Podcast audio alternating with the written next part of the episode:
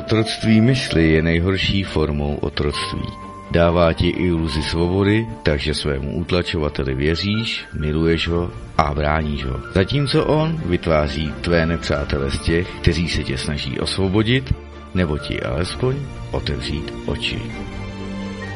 Dámy a pánové, vítejte u necenzurovaných informací se Simonkou z Malarky na svobodném vysílači CS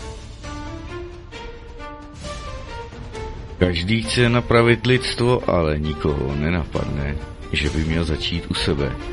Lev Nikolajevič Tolstoj.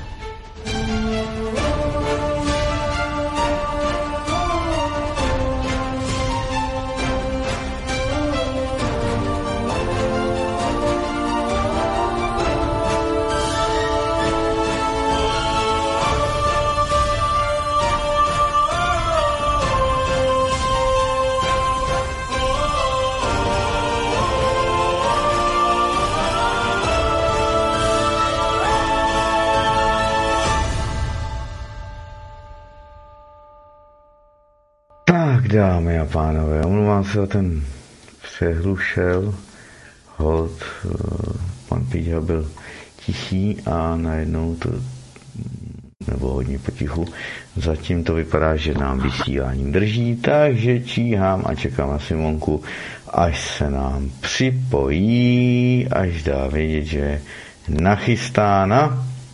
Tady nevím, jak tedy uh, uvidíme, jestli Milan bude nebo kdo s námi bude dnes vysílat. Takže vás vítám, konečně jsme to zprovoznili dvě hodiny tady nervů. Včera hodina tři čtvrtě nervů, takže nakonec se to Pavlovi podařilo. E, takže děkuji Pavlu Hlávkovi, že to nakonec zprovoznil, páč, aby si nevěděl rady a vyhodil bych to z okna. Tak, máme tedy neděli 26. února roku 2023, studio Karaně nachystáno, svobodný vysílač taktéž a vy už byste měli naslouchati eh, na pramenu aktuality SV24, já se kouknu, jestli nahráváme, nahráváme, takže zatím fakt všechno vypadá, že běží a vy byste měli tedy naslouchat. Vítám vás u necenzurovaných informací se Simonkou. Und eh, my teď eh, můžeme se spojit se Simonkou a ještě tam chtěla Milana Kováčika.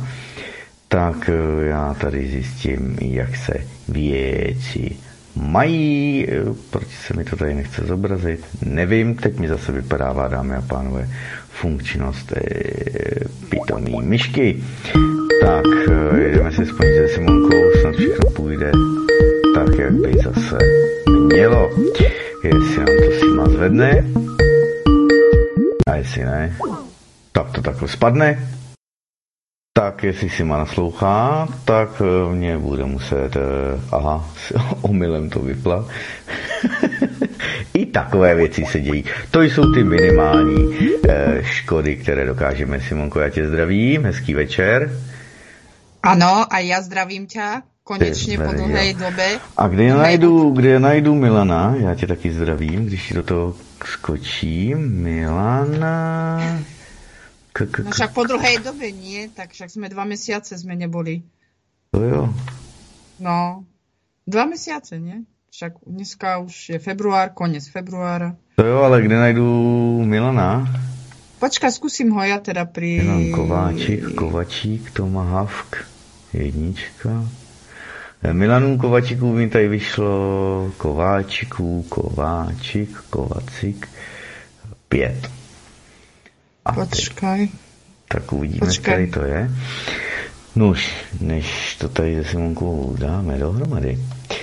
Tak, kam pan Martinovi uteklo to zajímavé a důležité, dámy a pánové.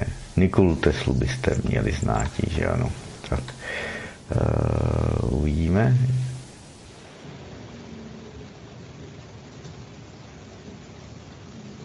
No takhle, ale... Ale mně se tam objevuje Jan Hraško, takže teď jsem z toho jelen. A, a úplně no, on, teda. On, on má, on má Nick Jan Hraško, no. No tak to bych to tady mohl hledat ještě zítra, jehlu v kupce sena, ale to bych tu jehlu stejně nenašel, páč by byla v jiný kupce sena, že jo.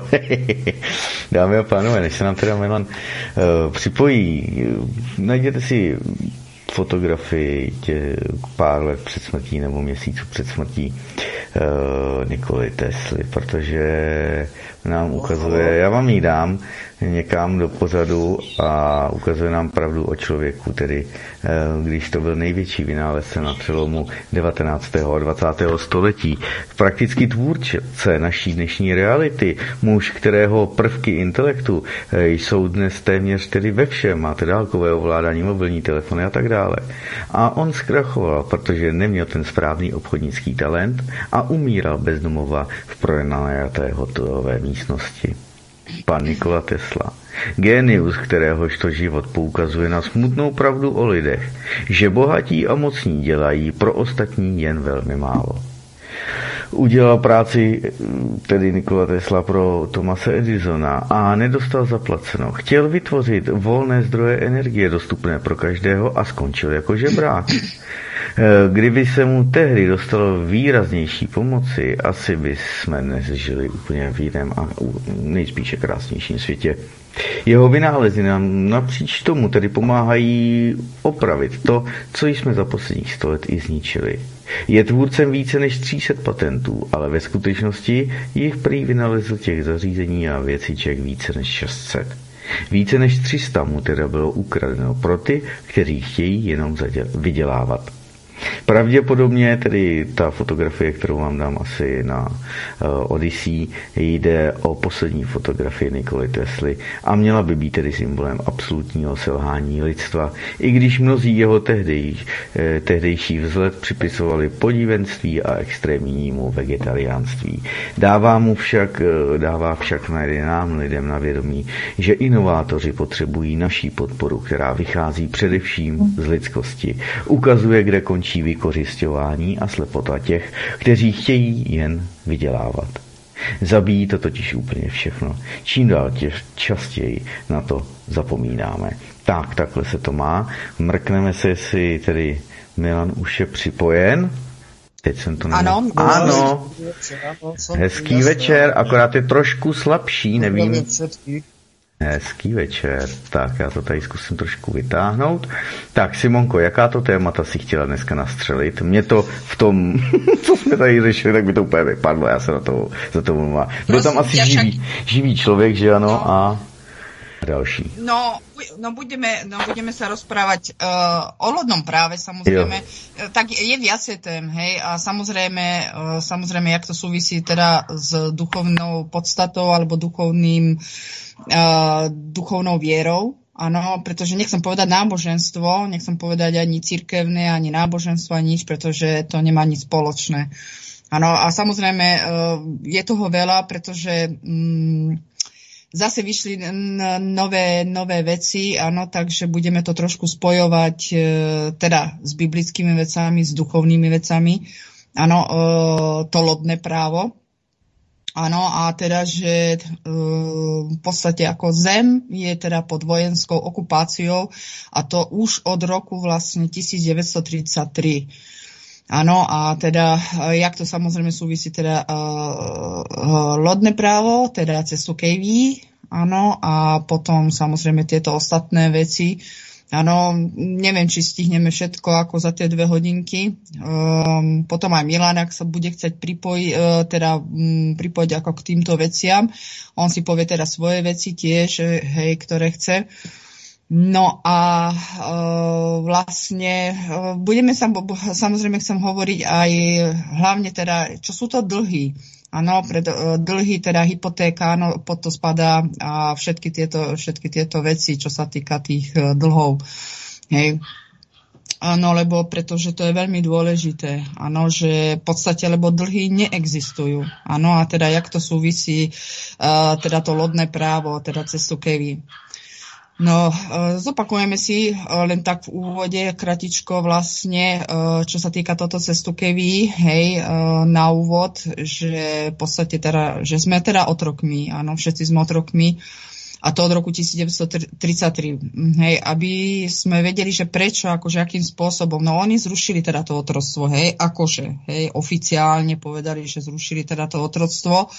Hej, ktoré bolo viditeľné a samozrejme, pretože oni zamenili potom, uh, by som povedala, na globálne otroctvo. Hej, za, uh, na globálne otroctvo prostredníctvom peňazí, samozrejme Fedu ako, hej, uh, začalo to samozrejme Amerikou.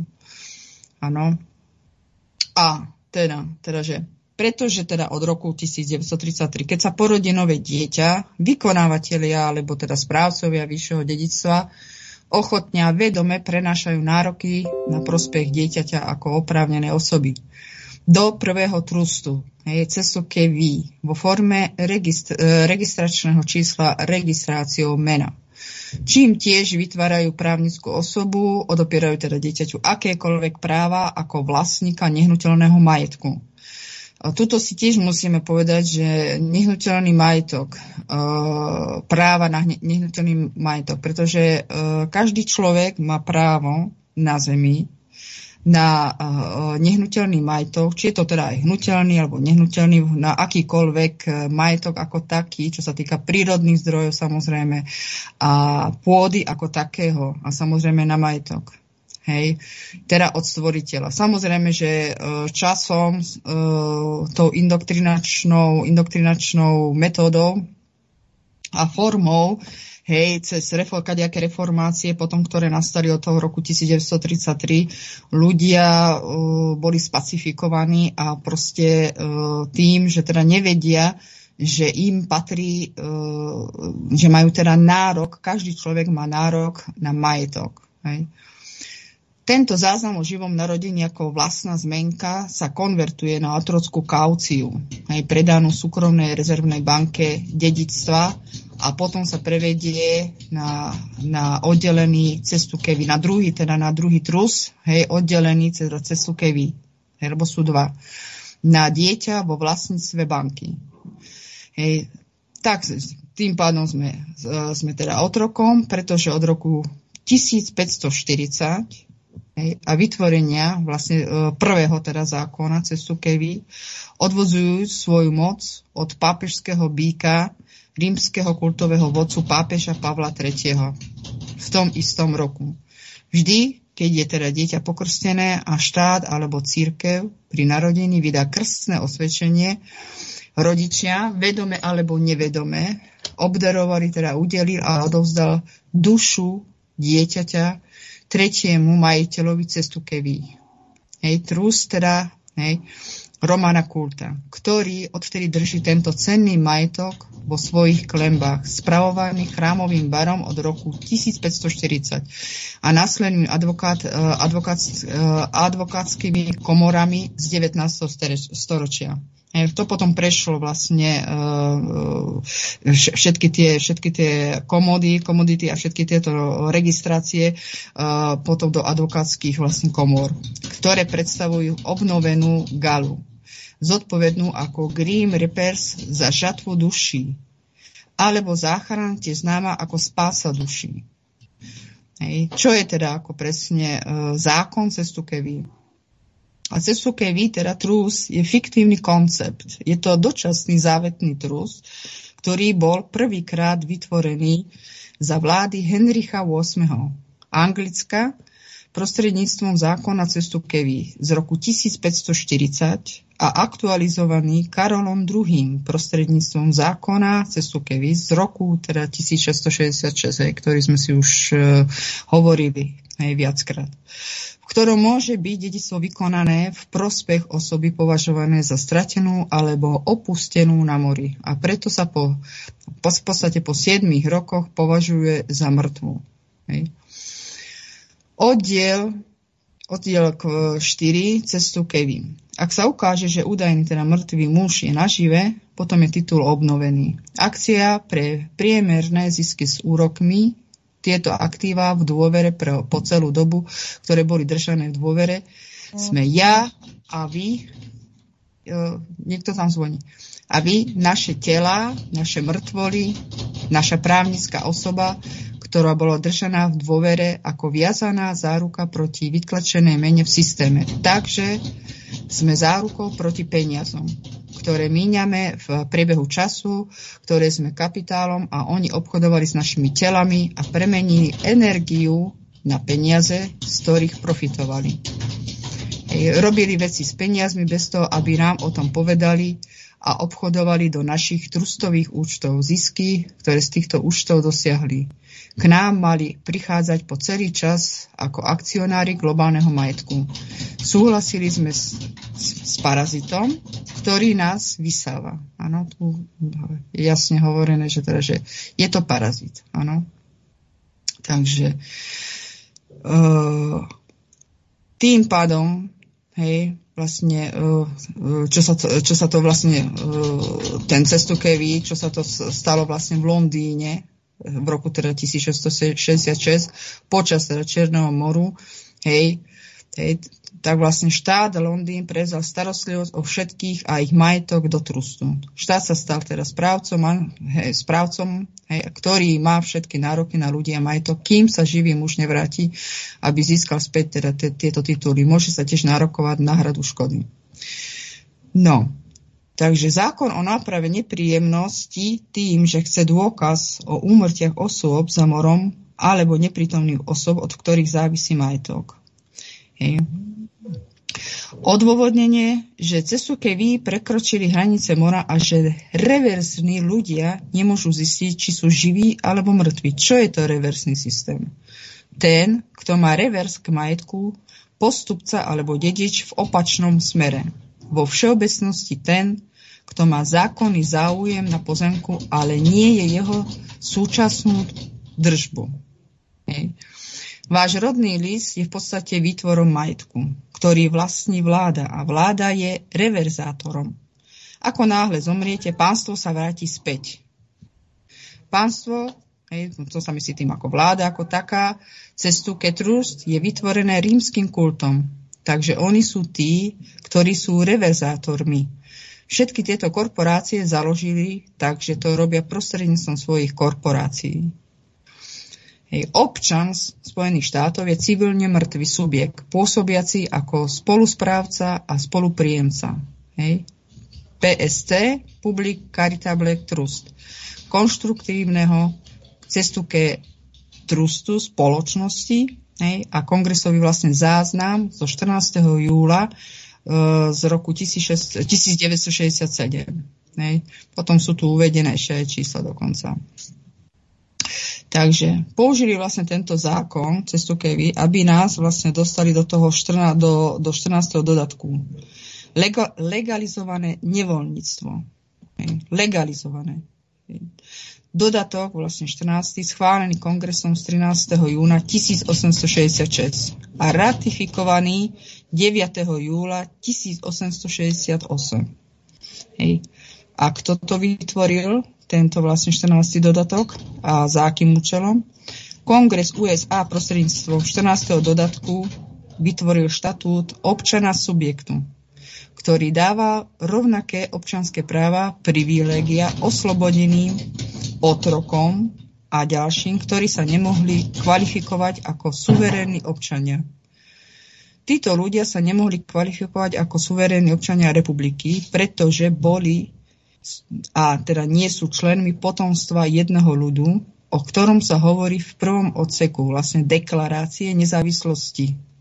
Preto pre nich kongres vytvoril demokraciu. Máme vládu vo vláde a ústava v rámci ústavy počnúc 13. dodatkom. Hej, ako môžu vlastne občania, subjekty zo 14. dodatku, čo je vlastne zákonné vytvorenie kongresu, vykonávať zvrchované právomoci prostredníctvom volených zástupcov alebo osobne, keď kongres vytvoril ich občianstvo. Hej. Na celom svete vlastne neexistuje nič také ako vláda. Všetko sú to súkromné korporácie, ktoré používajú slovo vláda pod farbou zákona. Napríklad Spojené štáty americké už nie sú krajinou. V podstate žiadna, žiadna, žiadne štáty nie sú, nie sú krajiny, lebo jak som hovorila, štáty majú byť krajinou. Áno. Je to korporácia. Všetky vlastne štáty sú korporácia. Bola začlenená v roku 1871 podľa zákona District of Columbia z roku 1871. Prvá bola teda Amerika. Kto by si uzurpoval krajinu a začlenil ju na úkor ľudí? Boli by bieli kresťanskí Američania? Určite nie. Ak vyhľadávate členov kongresu v roku 1800, uvidíte veľa židovských mien, ale pravdepodobne nenájdete žiadnych židovských členov počas roka. Keď sa tento zákon z roku 1871 vyskytol, mnohí židovskí politici zmenili svoje mená, aby skrýli svoju identitu a účel. Áno, vlastne bolo to všetko sofistikovaný e, prevrat. Ale všimnite si niekoľko prominentných židovských mien v našej vláde tesne pred rokom 1871, medzi ktoré patrí Davy Levy Júli, ktorý slúžil v rokoch 1845 až 1851 a 1855 a 1861, hej, vlastne v tých rokoch. Spolu s Judášom Benjaminom v rokoch 1853. Ak by ste teda, ak by ste pozre, sa pozreli do dnešných politikov, uvidíte, že väčšina z nich sú aškenánsky židia. Židia sú internacionalisti. Sú to paraziti. Sú to tí, ktorí prenikajú do vlád a bielých kresťanských spoločností a ničia ich znútra. Hej. Oni sú tí, ktorí realizujú, plánujú a vykonávajú všetky tieto subtilné agendy, aby všetkých rozotročili. Preto sú jediným, jedinými národmi, ktoré boli vyhodené z krajín a vlád nad e, z 359 zazn- e, krajín v zaznamenanej histórii. Teda. Teraz vlastne všetky krajiny, korporácie, média, banky a armádu, hej, to vieme, to už sme si x razy hovorili. Na svete nezostali žiadne krajiny, okrem Iránu a Severnej Koreji, ktoré ešte nie sú začlenené do židovského bankového systému, známeho ako aj Mastery Babylon. To je dôvod, prečo majú Židia proti ním svoje svetové vládne korporácie a demonizujú ich v médiách a podnesujú falošné vlajky a vojny proti týmto dvom zostávajúcim suverénnym krajinám.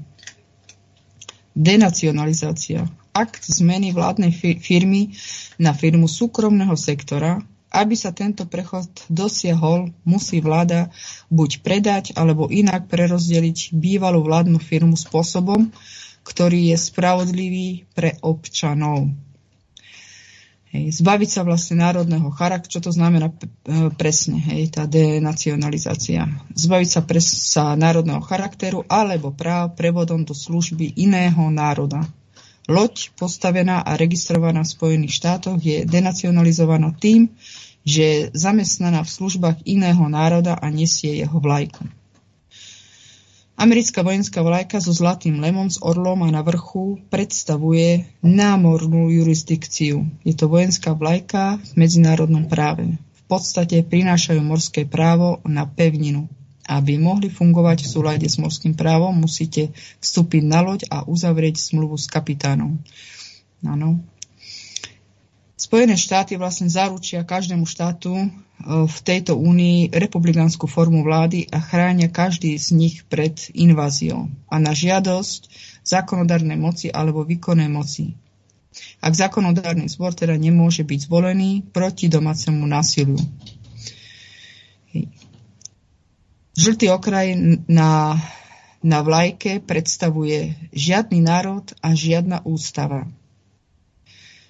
Kríza Židom umožňuje obchádzať pravidla alebo zákony, ktoré sú chránené ústavnými princípmi, aby porušovali ústavu dodržiavaním postupov v rámci maskovania pomoci v kríze. Núdzové zákony často rušia zákony a keď sa zákon odloží, pre naliehavé prípady môže sa nechať bokom. Napríklad Abraham Lincoln vyhlásil stanné právo počas občianskej vojny. Toto povedomie naznačuje, že kedykoľvek chcú subjekty, ktoré sú pri moci, urobiť niečo, čo je podľa ústavy nezákonné, jednoducho v tom pokračujú podľa zásady stanného práva vyhlásené Lincolnom. Takto sa prezentujú vykonávacie nariadenia. Sú to výkonné nariadenia založené na stannom práve, ktoré nebolo zrušené.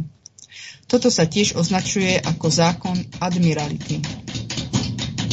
V jednom období ste teda viedli vojnu proti chudobe. O niekoľko rokov neskôr máte vojnu proti drogám. A každých dva roky sa takýchto vojen vyskytuje čoraz viac. V opačnom prípade by sa starné právo muselo zrušiť a vy by ste sa vrátili pod ústavu a vaše slobody by sa mohli obnoviť. Potom by ste sa mohli odvola- dovolávať vlastne ústavných práv na súdoch. V súčasnosti sa však súdy riadia zákonným, zákonom admirality a preto, ak sa na e, súde do, e, dovolávate ústavných práv, pravdepodobne sa nikam nedostanete. Od 9. marca 1933 sú Spojené štáty v stave národného stavu núdze. V skutočnosti sú teraz v platnosti štyri pre, prezidentom vyhlásené stavy národného núdzového stavu okrem národného stavu núdze, vyhláseného prezidentom Rooseveltom z roku 1933, existuje aj národný stav núdze vyhlásený prezidentom Trumanom zo 16. decembra 1950. Počas korejského konfliktu a stavy národného núdzového stavu vyhlásené prezidentom Nixonom z 23. marca 1970 a 15. augusta 1971. Ústavné práva sa teda počítajú len vtedy, keď stanete na najvyšší súd, pretože existuje tendencia naďalej používať ústavné právo na najvyššom súde. Pretože nechcú, aby ľudia vedeli, že ústava bola nahradená zákonom admirality. Toto povedomie naznačuje, že preto najvyšší súd často rozhodne, ak existuje ústavný rozpor, takže nie, nižšie zákony sa majú riadiť ústavou a napriek tomu vstup do súdu argumentuje s ústavou, je zriedka prospešné pre subjekt, pretože povedia, že subjekt je v nesprávnej jurisdikcii na tomto súde. Neuznávajú vaše ústavné právo v jurisdikcii admiralty alebo súdu a preto rozhodnú proti vám. Toto je účelom právnikov. Sú si jasne vedomi svojej úlohy na súde admirality, pretože na to nemáte správnu jurisdikciu. Súdny systém má skutočne chrániť vlastne DC Corporation. Prečo by mali na svojich súdoch povoriť ústavné právne otázky, keď sú v skutočnosti vojenskými súdmi? To povedomie naznačuje, že väčšina subjektov si myslí, že súdny systém je tu na ochranu práv subjektov podľa ústavy, zákona krajiny, listiny práv a tak ďalej, ale v skutočnosti sú tu na to, aby udržovali poriadok spoločnosti a chránili tých, ktorí majú moc a peniaze a aby zabezpečili, že nikto nenaruší infraštruktúru propagovanej spoločnosti z Londýna alebo štátnych pravidiel a tie, ktoré súdy propagujú ako vojenské organizácie. Tlač pracuje pre tých, ktorí propagujú nový svetový poriadok. Toto povedomie naznačuje, že tlač samozrejme pracuje pre ľudí, ktorí vám prinášajú nový svetový poriadok, ktorí vám prinášajú prostriedky, ktorými bude táto krajina nakoniec otročená a tlač nebude podporovať jasné a čestné spravodajstvo o tomto druhu problémov. Existujú veci z internetu, ktoré poskytujú jasné správy. Toto povedomie naznačuje, že, že vo všeobecnosti však väčšina ľudí dostane len to, čo svetoví plánovači chcú, aby vedeli a preto je nepravdepodobné, že dostanú celý príbeh. Všetky krajiny sú teraz vlastne korporáciám pod kontrolu tohto židovského bankového menového systému. Korporácie sú kontrolované zákonmi o, lodnom do, o lodnej doprave. Na pôdu sa vzťahuje zvykové právo. Spoločnosť nepochádza z pevniny, pochádza z mora. Spoločnosť je rovnaká ako loď. Tu môžem doplniť ešte, prečo spoločnosť nepochádza z pevniny. Pretože by mali nárok na pôdu preto vlastne pochádza z mora a preto sú stratení na mori. Áno, preto sú vyhlásení aj na mori. Lebo tí ľudia si musia teda kupovať, keď chcú teda nejaký pozemok, musia si to kupovať a platiť za to. Hej, čo je vlastne nezákonné.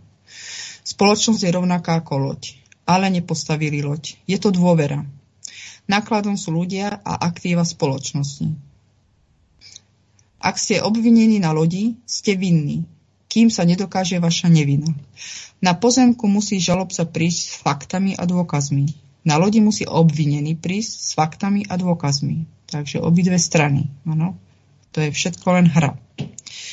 Máme vládu, o ktorej ľudia predpokladajú, že je jedna vec, ale v skutočnosti je to niečo iné. Plán typu vlády, ktorý máme, je podrobne opísaný v knihe Tiché zbranie pre tiché vojny. Uistujú sa, že vaše pro, pro, uh, programovanie ako dieťaťa prostredníctvom Silent Weapons for Quit Wars je oklamať a oklamať vás, aby ste prijali tieto falošné vlády a falošné korporácie. A samozrejme falošné náuky. V tejto vláde ste vinní skôr, ako sa dokáže, že ste vin, nevinní. Sme obsadení zahraničnými vládami a korporáciami na našej pôde. Nachádzame sa v systéme námorného práva. Všetok obchod funguje na vodnom alebo morskom práve. Všetky obchody fungujú na pozemkovom práve. S nohami na zemi môžete obchodovať iba v hodnote a nie v obchode. Všetok obchod je zločin a všetok zločin je vojna. Ako náhle pôjdete na, do oblasti obchodu, pracujete vo svete mŕtvych. Mŕtvý je tiež napísaný dlh. Rezonancia dlhu sa rovná hriechu, alebo sa rovná smrti. Nemôžete nikomu nič dlhovať, pokiaľ ste s tým nesúhlasili. No. Aj preto vlastne oni dávajú podpísať e, každému človeku teda zmluvy a preto sú vlastne vytvorené e, s každou korporáciou vlastne zmluvy. Ano, aby ste to podpísali. Hej, pokiaľ to vy nepodpíšete, v podstate to není inak platné. Foneticky znie slovo mŕtvý, podobne ako slovo dlh. Slovo, ktoré má silné spojenie so slovami mŕtvy a dlh, je hypotéka. Keď platíte hypotéku, dlh, mŕtvy, v podstate sa dopúšťate hriechu. Ak o tom chcete dôkaz, chodte vlastne na e, web stránku, takú jednu stránku.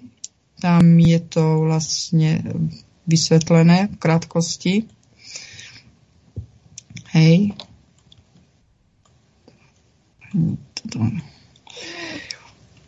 tam je uh, dlh, podstatné meno, to je v podstate podstatné meno teda, je niečo dlžné záväzok.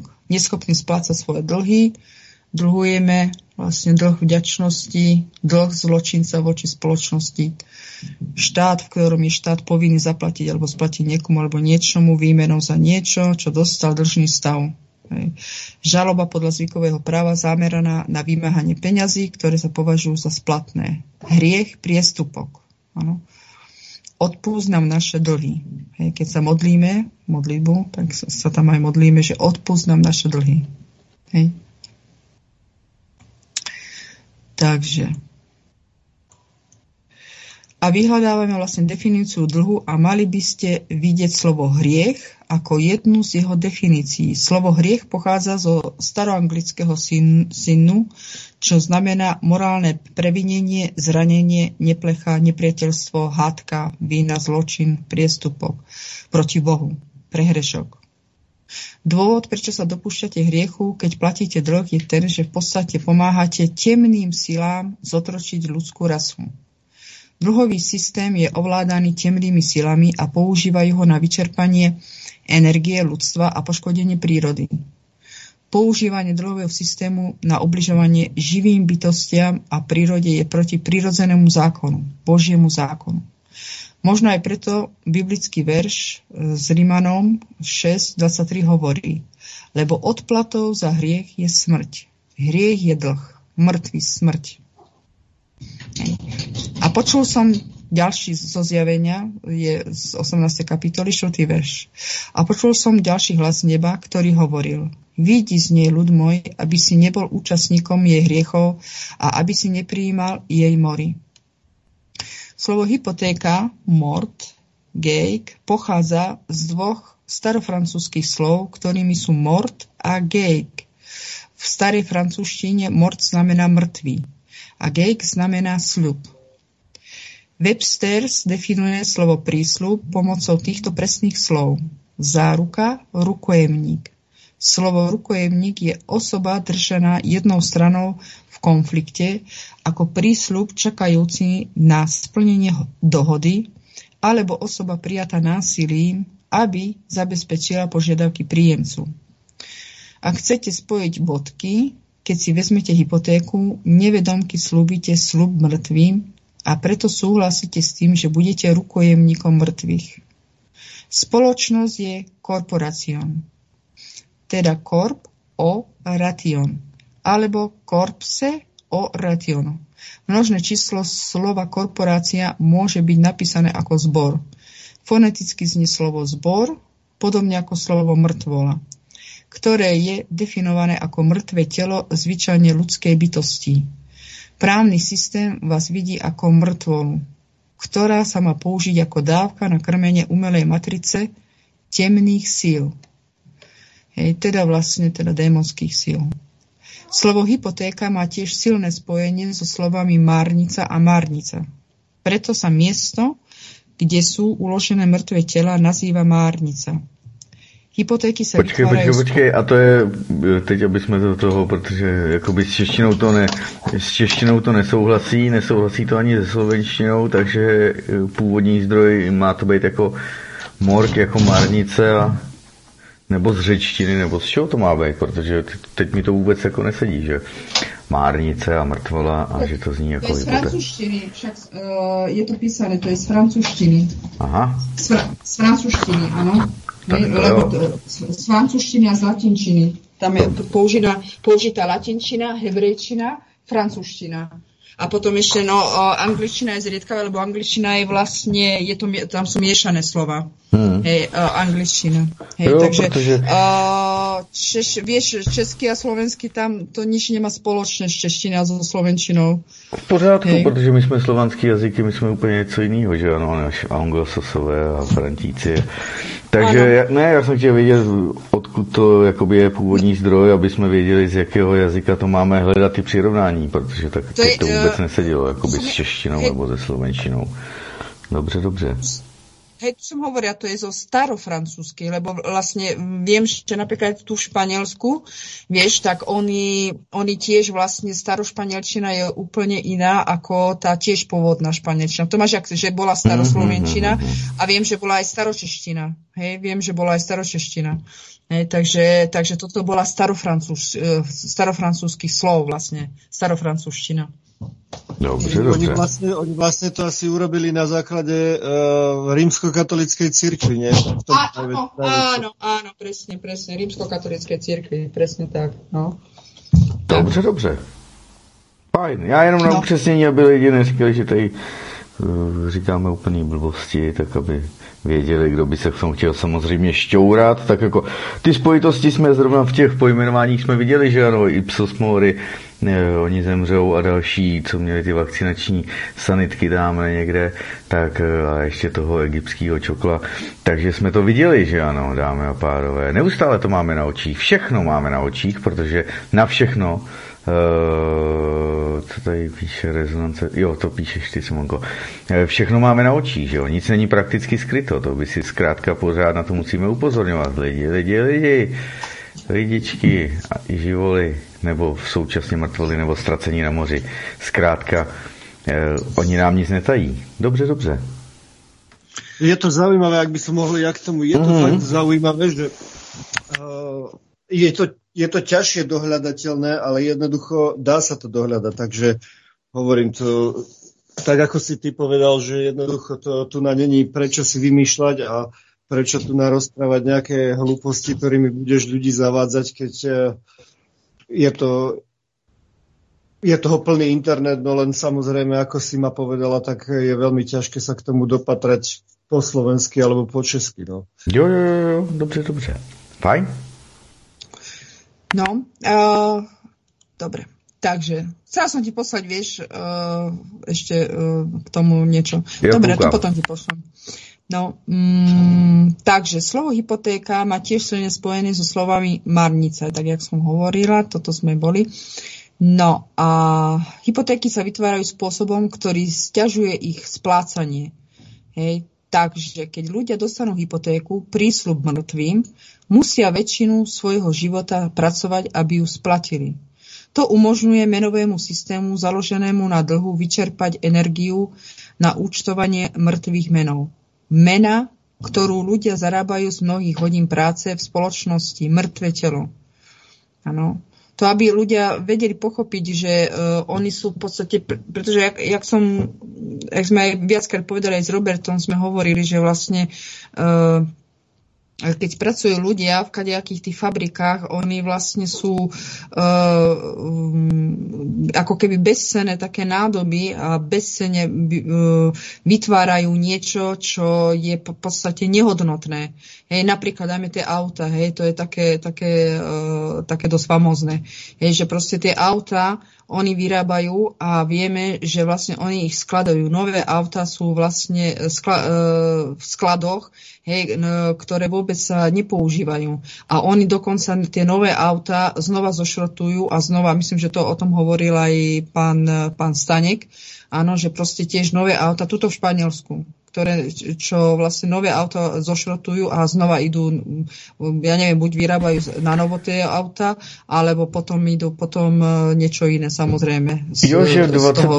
myslím automobilového průmyslu se nikdy neprodá a jsou právě na těch odstavných plochách volná letiště, louky a takhle. To je po celém světě, je to v Evropě, v, Ameri- v Severní Americe, je, je to i v hmm. Ruské federaci, aby si lidé nemysleli, že to jako jenom zase ten západ. Tady zkrátka je důležité, aby jsme věděli, ten základ, že my vlastně prodáváme svůj čas, my prodáváme svůj život za to, ano. že nám jako někdo dá jako nějakou práci, aby my jsme si když tak mysleli, že je prospěšná, ale životu prospěšná povětšinou to není, protože nejvíc peněz je samozřejmě ve zbraních a tak.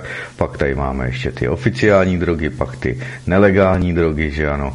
Pak tu máme další věci, vojensko-průmyslový komplex a spoustu dalších sviňáren. No to je, tomu sa ináč hovorí bezducha práca. Nemá ducha.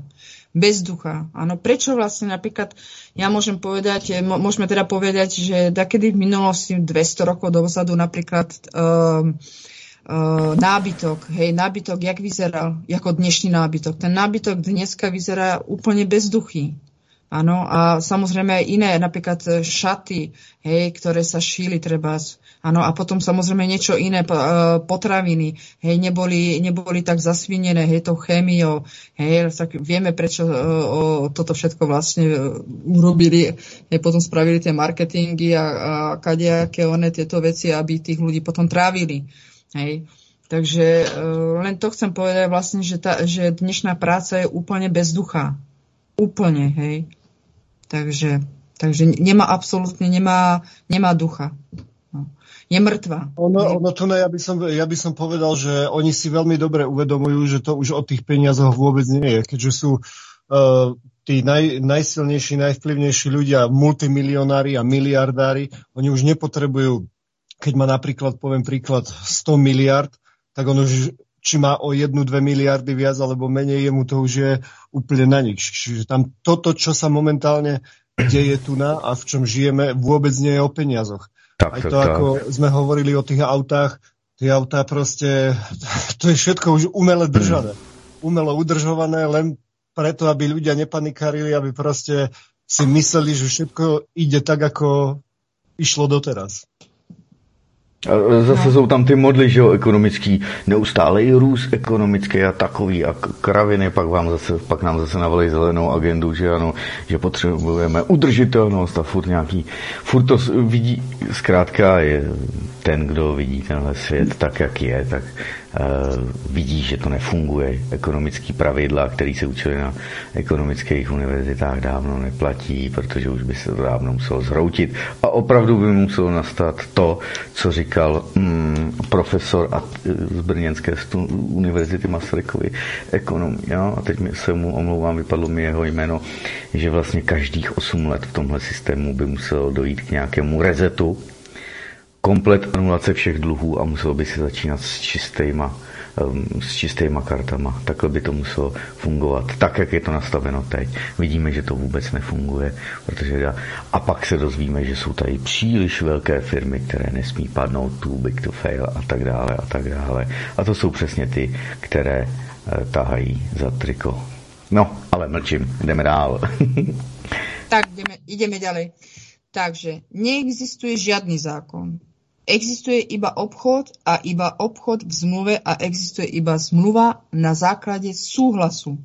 Ak existuje zákon, existuje zákon o súhlase. Na pôde a na obchode obchodujeme s hodnotou. V obchode obchodujeme so zmluvami. Žiadny obchod sa nemôže uskutočniť bez súhlasu. Ten podvod prichádza z počiatku s rodnými listami. Keby rodičia vedeli len to, že predávajú svoje deti korporáciám, žiadna spoločnosť vás nemôže nútiť, aby ste s ňou mali zmluvné vzťahy, pokiaľ s tým nesúhlasíte. Ano. Vlastne všetko, e, všetky tie rodné listy, ktoré sa vystavovali, e, by som povedala, jak sme začali teraz rozprávať o tom lodnom práve, to bolo od roku 2020, myslím, tak vlastne dovtedy e, tie rodné listy boli vystavované v nevedomosti. Hej. To sa deje slovami na papieri a spôsobom, akým píšu vaše meno. Hej. Priezvisko nie je v skutočnosti priezvisko. Je to podvod. Každé priezvisko je podvod. Priezvisko je poddan, uh, poddanské meno. Meno otroka. Aby vás ozna, každého človeka tým označkovali, aby vedeli, že kto. Hej. Jak rodné číslo, tak aj priezvisko.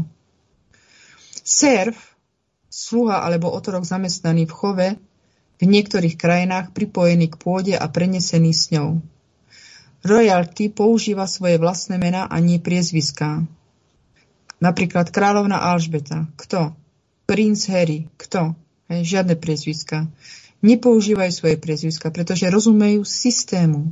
Hej, oni presne vedia, všetci títo pohlavári vedia, že o čom je systém. V obchode priezvisko predstavuje dlžníka. Meno poddanstva je meno hada alebo zaručené meno. Neexistuje nič také ako priezvisko. Vaše priezvisko je jednoducho meno vášho kmeňa alebo klanu. Dom, z ktorého ste sa narodili. Hej? Tak, tak by to teda akože malo byť. A to znamená, že, lebo dakedy, hej, do toho, myslím, že do 17. storočia ľudia nepoužívali priezviska. Už sme raz o tom hovorili, myslím. Máte legálne meno a kresťanské meno. Hej kresťanské meno, napríklad Ján, Pavol, hej, dom, klan alebo rodina, hej, rodina Šmita, obyčajové právo, iba opravný prostriedok. Rozdiel je v gramatike. Názov legál je vo všetkých kaps bez bojo, spojovníkov. Kaps teda veľké písmena. Kresťanské meno je napísané inak. Záleží na tom, ako píšeme a používame naše mená. Tým, že si nárokujete späť svoje kresťanstvo, nárokujete si späť svoje kresťanské meno. Tu sa znovu zrodíte, alebo sa vrátite do svojho kresťanského podstavenia. Ano. A to znamená teda živá bytosť ako živý človek. Hej. Vaše kresťanské meno je vaše detské meno a nemá nič spoločné s náboženstvom. Kresťanstvo nie je náboženstvo. Je to dedictvo bielej rasy. Všetky denominácie sú náboženstva a korporácie. Existuje viac ako 33 tisíc tzv. kresťanských náboženstiev, ktoré sa nazývajú iným menom a vyzývajú a vzývajú teda iných bohov. Náboženstvo znamená znova sa viazať. Je to puto znova sa spojiť. Tieto putá sa vytvárajú aj prostredníctvom osvedčení o krste alebo záznamom v rodinných bibliách. Biblie sú chránené autorskými právami. Sú niečím verziou konkrétneho dokumentu, ku ktorému sa pripájate. Ak sa spájate s Kinjovou, e, Kinjou, teda e, Biblia, e, anglická Biblia je Kinjou, alebo s doktrínou církví, alebo so židovským Ježišom, potom sa spájate so smrťou. Hej, um, tu musím pripomenúť iba taký um, mali, že um, Ježiš nebol Žid. A Židia nie sú Židia. Hej, to sme už hovorili, hej, oni sú síce askenásky, ale ani Židia ako taký, e, Žid je vymyslené slovo. Korporácia pochádza zo slova citát, čo znamená, že je mŕtva. Neexistuje žiadna jurisdikcia medzi živými a mŕtvými. Pokiaľ nesúhlasíte s tým, aby ste išli na, predvola, na predvolanie. Predvolanie je povolaním mŕtvych. Existuje gramatický podvod, ktorý vás klame, aby ste sa dostali z úradu veriteľa do, do najnižšieho postavenia, do úradu dlžníka. do zahraničného súkromného trestného správneho bankového systému. Legálne mŕtvy. Podvod. Hej, latinčina. Najväč, najväčší podvodný koncept, aký bol kedy spáchaný proti živému človeku v modernej známej histórii, on, Justinian, zabil človeka bez toho, aby ktokoľvek vedel, že všetci sú legálne mŕtvi. Obetovaní pri narodení, vyhodení do mora more komerčných papierov aby boli zachránení rímskou ríšou predtým, ako si vôbec uvedomovali, že sú považovaní za mŕtvych, stratených na mori a pravdepodobne sa už nikdy nevrátia. Justinian, rímsky cisár a jeho právny tým Židov v rokoch 530 až 560 našho letopočtu vytvorili vládne majstrovské dielo moderného podvodu s cieľom oklamať verejnosť, aby spadla do súkromných vojenských zmluv Rímskej ríše pod priamou kontrolou Vatikánu, aby sa vzdala skutočnej spravodlivosti. Štátne školy nás učili, aby sme pôsobili ako dlžník a vo vnútri firemnej lode korporácie. Takže v skutočnosti pracujeme ako správcovia alebo majiteľia účtov banky. Banka, s ktorou spolupracujeme, je zahraničná banka. Je to federálny rezervný systém, FED teda, Spojených štátov. Korporácie sú lode. Táto banka pochádza z vody. Nemá domácu základňu ani pôdu, ktorú by ste mohli ísť a zmocniť sa alebo vziať a potom loď korporácie nemá ani loď, ktorú by mohla vziať.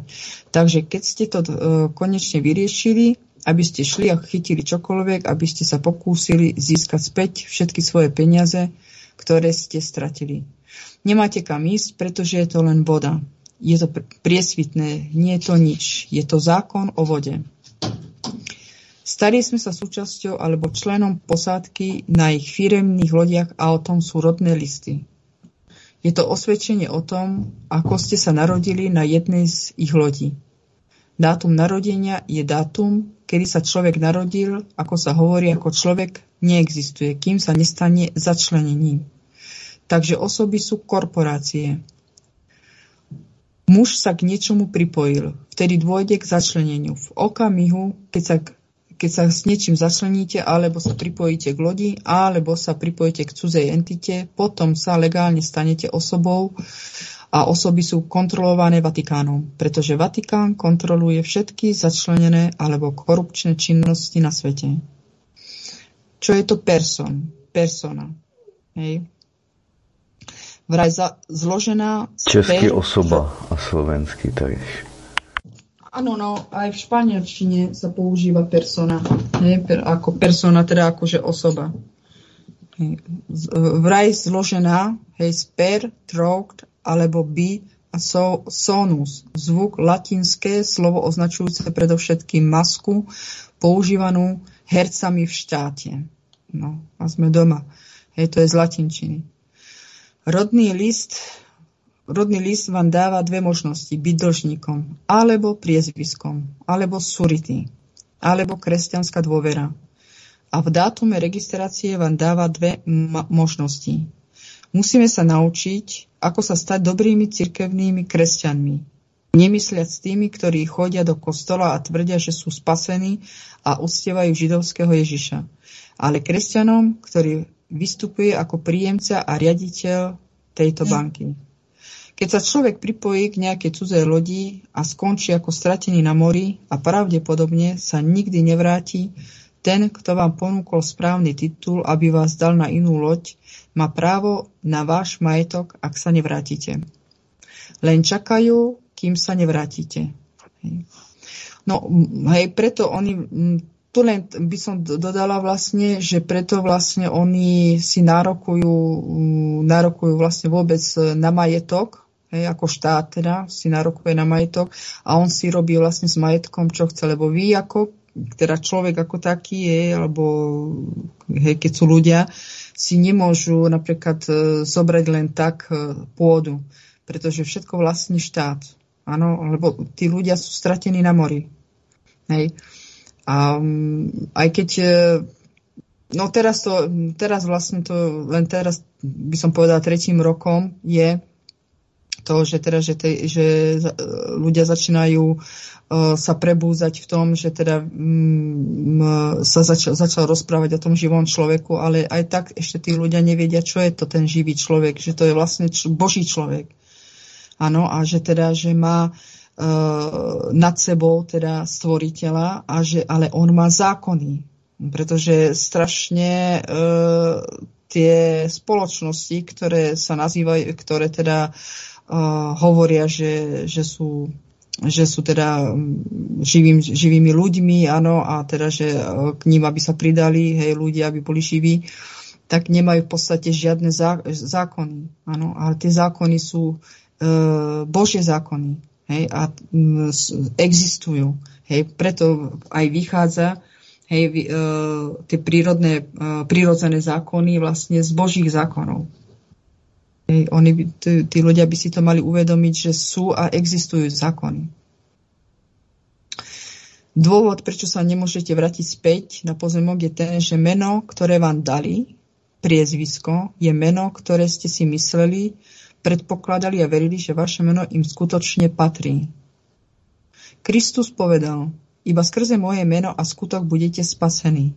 Vaše meno je kresťanské meno, prvé a stredné, a skutok je dátum, kedy ste spasení. Príďte k skutočnému poznaniu a porozumeniu a kráčajte v ňom. Hej, to je vlastne živý človek. Keď uctievate alebo príjmate cudzie meno lode, ktorá je sucho zakotvená, na vašej zemi, potom nie ste s Kristom. Keď sa naučíte, ako sa stať kresťanom, ktorý je príjemcom a riaditeľom trustu, potom táto dôvera, podvod, môže zostať v hre, ale stanete sa riaditeľom a dozorcom nad týmto, hej, nad týmto podvodom. Vy to máte na starosti. Vezmite si ho a držte ho pod kontrolou. My sme tí, ktorí neustále robia chyby. My sme tí, ktorí dali právam pre túto banku pôdu právo odobrať ju z našej zvrchovanej dôvery a my sme tí, ktorí nepoznali naše meno a súhlasili sme s tým, že budú konať ako správca a majiteľ účtu a splatiť, splatiť pôžičky plus všetky úroky. Uh, v, v starom zákone čítame v Deuteronomium v 23. kapitole Nepožičiavajte svojmu bratovi záujem o striebro, záujem o jedlo alebo záujem o čokoľvek, čo je požičané na úroky. Idiot je ten, kto nepozná svoje vlastné narodenie a nevie, odkiaľ pochádza. Ak ste boli požiadaní o svoje meno a dátum narodenia, uvediete svoje celé meno. Hej, John, Paul, napríklad Schmidt, hej, alebo vaše meno a priezvisko a dátum narodenia, ktorý je, ktorý je dátum narodenia a takéto meno neexistuje. Stále sa strácate na mori a podľa zákona vás toto, táto spoločnosť len zachráni, hodí na palúbu a stanete sa členom posádky lode a od tej chvíle budete robiť to, čo vám povedia. Áno. Takže vidíme to, že vlastne aj tí ľudia sú vlastne zmietaní vlastne len tým, čo majú nariadené, uh, nariadené vládami. Alebo teda, no vládami ako. Prezvisko bolo spojené s vašim kresťanským menom niekým iným. Ide o zachytenie prostredníctvom podvodu s rodným listom. Priezvisko je niečo, čo ste prijali na základe zmluvy alebo podvodu a začali ste ho používať. Keď ste prišli na tento svet, nemali sme meno. Meno je nám dané, keď sa narodíme. Keď zomrieme, neberieme si toto meno so sebou. Keď sa narodí dieťa, narodí sa život. Nenarodil sa. Kotvenie je lodná terminológia. Ďalší podvod je narodenie Bird alebo Bert. Kotvisko je námorné a narodenie sa vzťahuje na dieťa, ktoré opúšťa svoje náhradné materstvo. Kotvisko ukotvené, hej, ukotvené. Všetky tieto pojmy sa vzťahujú na plavidlo, ktoré je zaistené vo viac menej pevnej polohe, pripojené k doku. Dátum narodenia je kedy sa meno zaregistrovalo, rozdalo do systému a zaznamenalo. Mali by sme používať termín narodený. V nemocnici sú, hej, tam je, to, e, tam je ten rozdiel dátum narodenia alebo narodený, takže sa má na, používať termín narodený, nie narodenia. V nemocnici sú vyplnené formuláre, vzorky krvi, očkovania a tak ďalej. Nemocničné záznamy sa vytvoria do dlhopisu a potom sa predajú vládnym subjektom. Materské nemocnice zakladajú nemocnice. Miesto, kde sa opustený tovar vyhodí, aby sa zlikvidoval, na ktorom môžu ostatní prevziať vlastníctvo. Dieťa je život narodený a prijať, prijatý vlastne lekárom. Muž, ktorý pracuje pre lodnú spoločnosť, vezme dieťa a zdvihne ho, aby sa nemohlo dotknúť zeme a dá ho do námorníctva a preto sa stáva opusteným tovarom, aby ho oddelil od matky a vrátil ho matke, aby neexistovalo žiadne puto. Hej? No to, to je vlastne to um, ako v nemocnici, čo sa deje. Hej, lebo ono vlastne, keď, e, sa, uh, keď matka ako porodí dieťa, tak uh, oni majú, to dieťa je odobraté na nejaké 2-3 hodiny. Až potom vlastne sa vracia zase späť to dieťa. A to není dobré. Porodnica je väzenským oddelením štátu. Nemocničný záznam sa speňažuje, kupuje a predáva a obchoduje sa s ním. Čokoľvek registrované už nie je vaše. Ste len držiteľom a nie vlastníkom.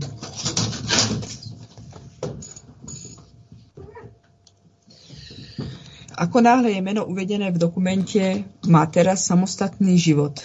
Výraz dokument znamená, že ste ukotvení. Znašate sa v priestoroch v prázdnom plavidle. Z hľadiska lodnej dopravy a námorného práva je to jednoducho znamená, ktorý dok ste mali na mysli ktorý dok ste mali na mysli vlastne. Rodný list má stok, čo znamená, že je obchodovateľný. Ako môže byť vaša identita, identita na kúsku papiera? To neexistuje, nemôže. Tu som, som moja identita. Rodný list je ten, ktorý vytvorila nemocnica. Čas narodenia dieťaťa, hmotnosť a tak ďalej. Rodný list je ten, kto je narodenie, kde je narodenie zaregistrované. Meno je zaznamenané.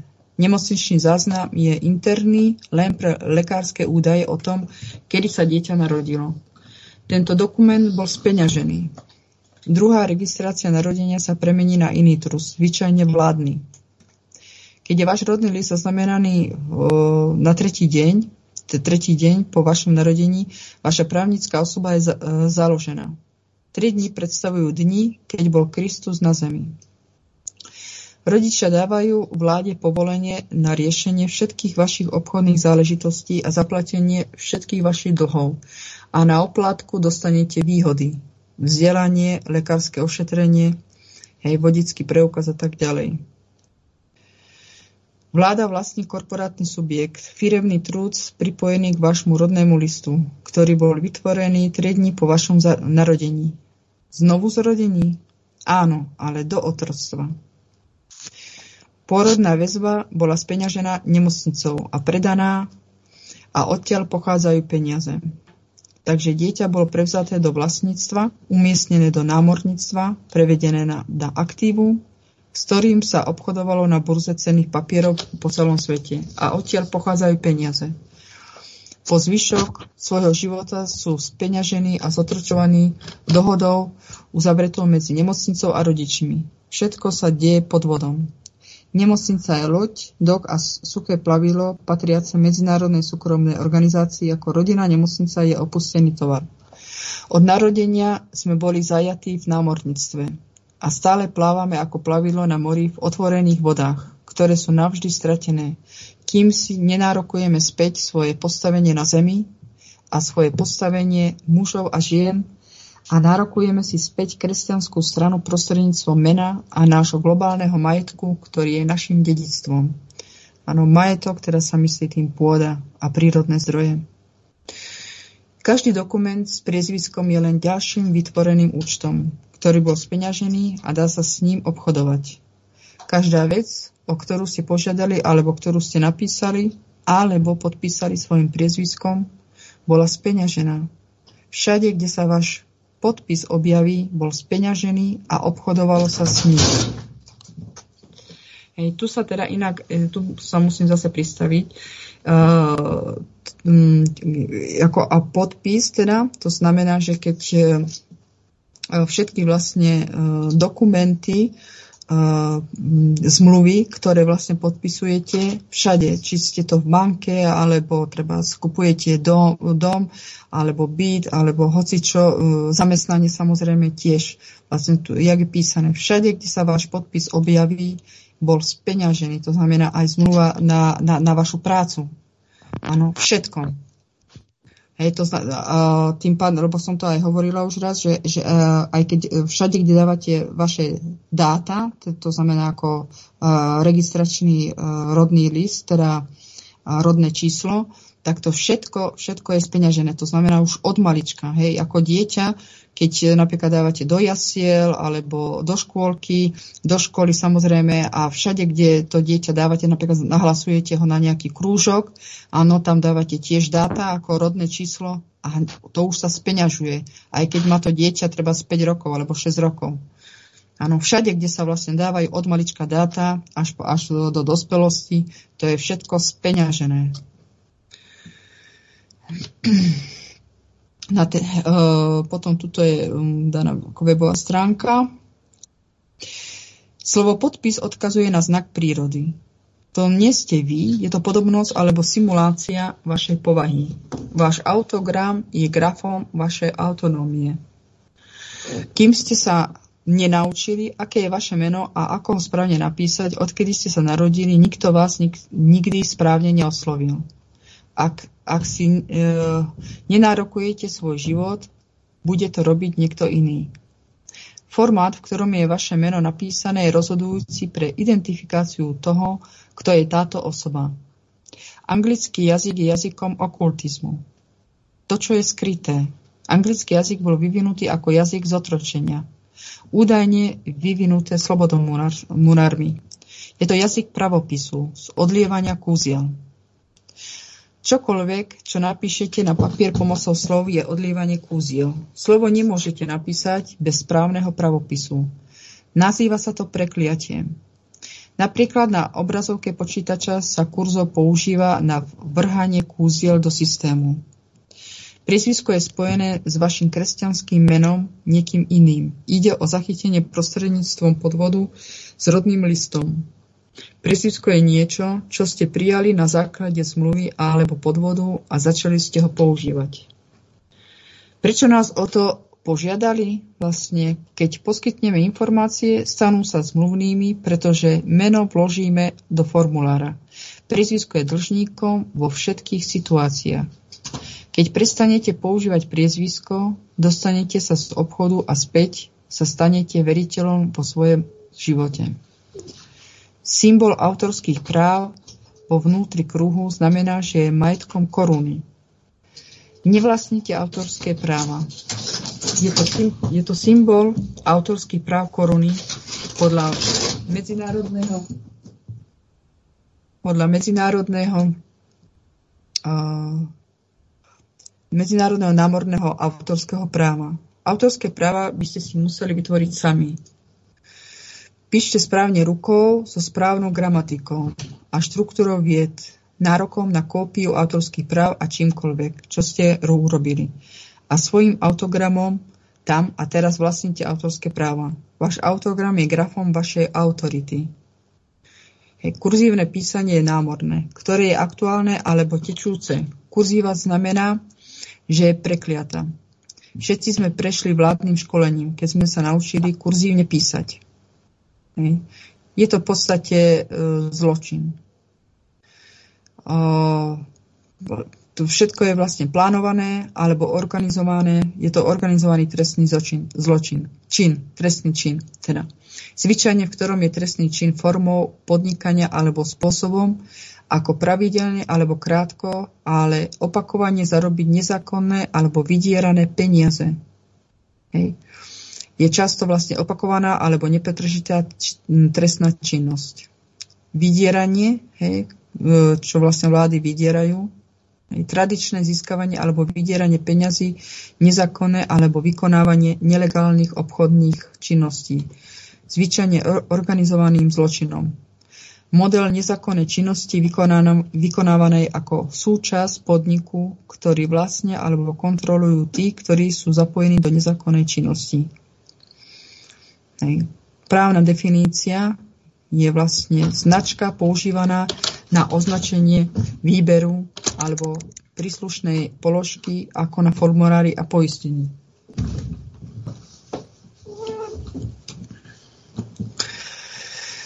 Mohlo by to byť e, znakom šelmy? Áno, vlastne to je z Biblie, je z, e, šelma. Výber legálneho mena pred kresťanským menom? Rozhodli ste sa vzdať svoje nadvlády? Stať sa, stať sa s Kristom? Spojiť sa s iným božstvom? Začleniť sa do iného boha? Ďalšie definície synonymia a významu kríža. Hej, kríža teda uh, ako v tom kurzive. Mŕtvi, ležiaci, padajúci, Hej, ísť z jednej strany niečoho na druhú, chladnokrvný, hybridný, zmiešaný kríženec, napríklad zradiť, vypredať, klamať, alebo sa navzájom prekážať, bežať proti, protiklad, popierať platnosť, utrpenie, súd, oheň, rukavice, bezpečnostná transakcia, pri ktorej maklér koná kupujúci a predávajúceho ako pri umiestnení veľkého množstva kmeňových akcií.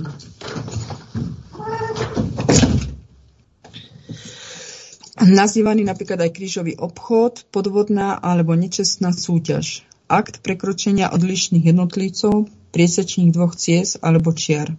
Odznak, znak alebo deka- dekorácia. To, čo udelujeme, je naše pánstvo, naša suverenita, naše Bohom dané rodné právo, správcovi. Tento správca ho potom spravuje a správca vymenuje správcov a dáva nám na výber, či budeme postupcom riaditeľa trusu, ale keď vymenujeme správcu, ak skončíme od postup, postupcu vlastne sú, a súhlasíme s tým, že budeme na lodi, stratíme schopnosť riadiť trust a staneme sa správcami, ktorí musia trus prevádzať, ale ne, neprevádzkujeme, ale, alebo ho neriadíme alebo v mnohých prípadoch ho ani nedostaneme späť. Podvod je v jazyku, tým, že nás držia hlúpých, negramotných a nevedomých. Tak, mm, tu je vlastne, ne, z Biblie vlastne verš, text v Matúšovi 10. verši a 16. kapitole. Hľa, posielam vás ako ovce uprostred vlkov. Buďte teda múdri ako hady a neškodní ako holubice. Takže môžeme si, keď tak, môžeme si dať teraz prestávku a potom môžeme pokračovať. Dobře, dobře, Simonka pustí kočku, anebo Milan, jestli má něco, čím bychom to proložili. Jestli k tomu má ja, samozřejmě ja cokoliv. Ja by som, mm-hmm. som možno k tomu povedal len to, že viac menej celý ten problém bude asi pravdepodobne v tom, že no, všetci tí ľudia, ktorí sú na Zemi, majú úplne iný a rozlišný pohľad, názor na to, nie sú jednotní v názore.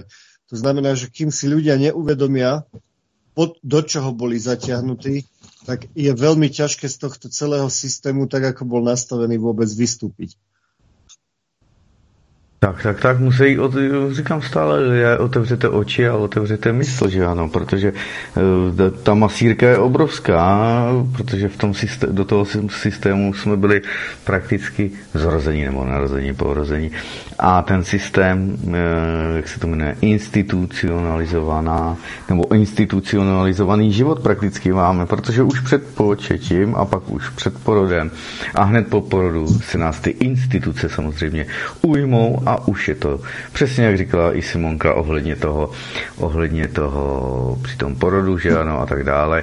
Uh, už před tím porodem, kde je tady nějaké to, že povědomí, že vůbec na genetické bázi, na struktuře energetické, uh, ten, kdo má s, s, s dívkou, teda v případě panou hlavně, první styk, tak v ní zanechá svůj genetický otisk, to znamená, že i když s ním nevydrží a bude pak mít jiné partnery, s kterými porodí, nebo kterým porodí děti, tak ale oni nesou ty děti už genetický otisk i toho prvního, s kterým ona měla styk. To se tady vůbec neříká, neví se to, to jsou prostoré věci, které jsou tady ze slovanských věd. A neříká se to, že jo, protože tenhle systém si nás osvojil a e, provází nás prakticky celý život. No a on nám vlastně říká, že ta dnešní doba je jaká, že jo. E, dřív bylo, že moje maminka, já nevím, v roce 1923 by máma napsala nebo řekla, že, že by byla spokojená a šťastná, kdyby si přines uh, hodnou a křesťanskou dívku nebo přivedl domů, že ano, jako svoji partnerku a manželku. No, v, v, řekněme v roce 1900 93 by už to bylo, že bude ráda, když přijede, přivede aspoň hodnou dívku do domácnosti a v roce 2023 eh, dneska maminka bude ráda, když jí synek přitáhne eh, aspoň dívku protože vidíme, kam to všechno spěje, že ano. Je to sice takový vtípek, ale ono to velice odráží to, co se tady ve skutečnosti děje, aby jsme to věděli. Takže přesně takhle to je, protože říkám, oni si vzali všechno, že jo, mají, mají, mají náboženství, mají všechny ty věci a ty koncepci právě to je biblická koncepce společnosti lidstva nebo řízení lidstva, to, co se tady odehrává již tři tisíce let a, a právě proto se tady v tom neustále motáme, že oni převzali vedení na, nad lidstvem, dali lidstvu tohle, tuhle koncepci, která absolutně není prospěšná životu, jak to tak vidíme. Takhle se to má, aby jsme to no, věděli. Ano? On, oni preto, oni preto to takto spravili, pretože oni potrebovali nadvládu nad, nad ľuďmi a hlavne nad bielou rasou. rasou. Vlastne tu ide o to, že, že biel, biela rasa je vlastne uh, po Adamovej strane. A potom sú Kainové deti, áno, teda uh, z toho zlého. Kainové deti sú vlastne satanové deti. Áno, od, od satana, pretože Kain bol vlastne uh, plodom medzi Evou a satanom. Áno, to sa hmm. E, samozrejme, uh, samozrejme, to sa nikde neučí ne, v žiadnych kresťanských tých denomináciách, akože teda kresťanských, áno, hej, tých teda tých náboženských denomináciách, pretože toto je všetko zamlčované. Áno, preto ja som aj hovorila aj predtým, že vlastne všetky, všetky tieto náboženstva sú indoktrinované tiež, ako aj jak školský systém, tak aj, tak aj tieto náboženstva sú indoktrinované, áno, ktoré neučia vôbec pravdu. Hej, uh, pretože vlastne od toho, uh, takto sa vlastne premiešali, lebo uh, v podstate tí ľudia z pisa nemali miešať, napríklad, čo ja viem, Japonci s, s, ja viem, s Rusom napríklad, alebo tak, hej, lebo potom vlastne tá krv je zmiešaná a tá DNA potom je degenerovaná. A to sa dakedy tak robilo, hej, že vlastne dakedy dávno. Hej, že, že proste, že, že tí ľudia... Ja, že tí kočka ľudia... tam řádí, slyším, takže Simonka ho nepustila ven, aby měl volný prostor. No, tu mi až na okne. No. Takže ona to videla od kocúra, táto tu, koza, a teraz, teraz to robí aj ona. No, takže, takže tak, no, vlastne, to som chcela vlastne povedať len tým, že, že, že tieto Uh, tieto vlastne, tieto, mieša, to, tieto miešanie ráz uh, sa nemalo robiť. Hej. Hovorím, my sa musíme pozrieť do minulosti, áno, že vlastne tí ľudia sa nemiešali. Čo tu mňa ukáž? no, takže, takže, takže takto. No. No. Takže predávam slovo. Môžete hovoriť. Dobre. No ja, ja som chcel ešte k tomu povedať to, že viac menej tí ľudia by sa e, priblížili o mnoho lepšie k tej pravde, keby skutočne začali sledovať ten tok tých peňazí. Ten vás vždycky navedie presne tam, kam potrebujete upreť svoju pozornosť a kde teda tú pravdu skutočnú aj nájdete. Hmm. Chcem poukázať na tú malú krajinku tam na strednom, e, teda na e, strednom východe, ktorá to tu všetko celé riadi a ktorá sa dostala tak dobre do úzadia a do pozadia toho celého, že nikto ich z toho ani nevidí, neviní a vlastne odva, odvádza, uh, odvádza tú pozornosť našu, ktoré, ktoré, ktorú by sme mali venovať práve im, odvádza úplne na všetky možné strany tým, že tu na vytvára kaďaké milné, blúdne konflikty a ja neviem, uh, tieto kaďaké nechcem hovoriť presne, lebo to, to sú No ono je to, protože jakmile se o, o, o ten národ otřeš, tak eh, hned je vytažen problém. Antisemitismus, že ano.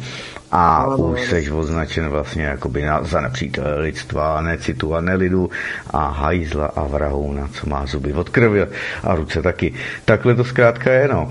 no Ono důležité je, přesně jak jste to říkali, jít po penězích, protože právě Petr Staněk na to upozorňuje v těch svých pořadech, až už měl, nebo v těch svých přednáškách a besedách pak e, z naslouchači. Mm, když byl v, Bar, v Martinu, tak to tam, kdy to bylo na začátku února nebo začátek ledna, tak to tam upozorňoval předtím s Josefem Skálou. Teď asi už měli pořad také nový, asi ani jsem ho neslyšel, mají ho e, u Petra Bureše jednou měsíčně. Zkrátka, o té konsolidaci těch, těch peněz, kam to všechno směřuje, že vlastně i Evropská banka, OECD a další a další a Mezinárodní měnový fond říkají, že pozor, pozor, dostáváme se tady, kdy nadnárodní kapitál se to zužuje, furt se to, to, to, furt se to tady ty transnacionální korporace se nám tady zužují, jedna kupuje druhou, že ano, máme tady krize, tak oni toho jako využijou, my to nevidíme, protože tak vysoko nedohlídneme. No a z deseti, který to tady ovládali evropský trh, prakticky většinu evropských peněz euráče v eurozóně, tak z deseti jich bylo sedm nebo čtyři. Teď opravdu nevím z hlavy jedu, protože ty informace už jsem taky naslouchal nedávno. Víme, že ta výzkum Bazilejské univerzity pětiletý, který právě zkoumal ty toky peněz, tak ten došel ke 130 asi 8 megatrustům a korporacím, ke, ke kterým se 5 milionů jiných firm zbíhá po celém světě. To je přesně ta globalizace, kterou tady vidíme. Aby si to lidé no, dokázali představit, protože tak. A ten majetek, přesně jak říkal teď Milan, je tak velký, že oni opravdu nepotřebují žádnou jednu, jednu miliardu, sto miliard nebo biliony. Uvědomte si, že eh, oficiálně se uznává nějakých 17-19 bilionů dluh Spojených států amerických, ale to je jenom korporace, to je federální dluh. Když k tomu připočtete jednotlivé státní dluhy, jednotlivé druhy obchodních společností nebo vůbec jakoby podnikatelské sféry, dluhy, dluhy těch, dluhy ještě soukromých lidí, bychom mohli říct, tedy soukromých otroků této korporace, tak se dostaneme k nějakým 100 bilionům. Celkově se uvádí, že eh, lidstvo dluží eh, nějakých 300 bilionů dolarů, ekvivalent dolarů, tak se ptejme, zase to říkám už po několikáté to zmiňuji, aby si to lidé uvědomili, ty, kteří si to ještě neuvědomili, zkrátka, komu to lidstvo dluží? Když budeme Pompeji, komu lidstvo dluží, že jo? Tam ide aj presne o to, že oni už viacej peňazí nepotrebujú. Oni práve tak. potrebujú ušetriť tú planetu. Čiže oni všemožným spôsobom sa snažia e, minimalizovať počet obyvateľov, obyvateľov na Zemi, teda na planete. To som sa zle zase vyjadril a ne, to nebudeme rozoberať, ale proste e, stiahnuť tú ľudskú populáciu nižšie. A vidíte, že sa im darí veľmi dobre. Ano, ano, já, u nás najdou 6, 6 hodin, nebo už 8, teď nevím, jestli jsem udělal čtyřku, mírové vylidnění pořad. E, první dva pořady, aj, tak teď nevím, co se tam rozběhlo.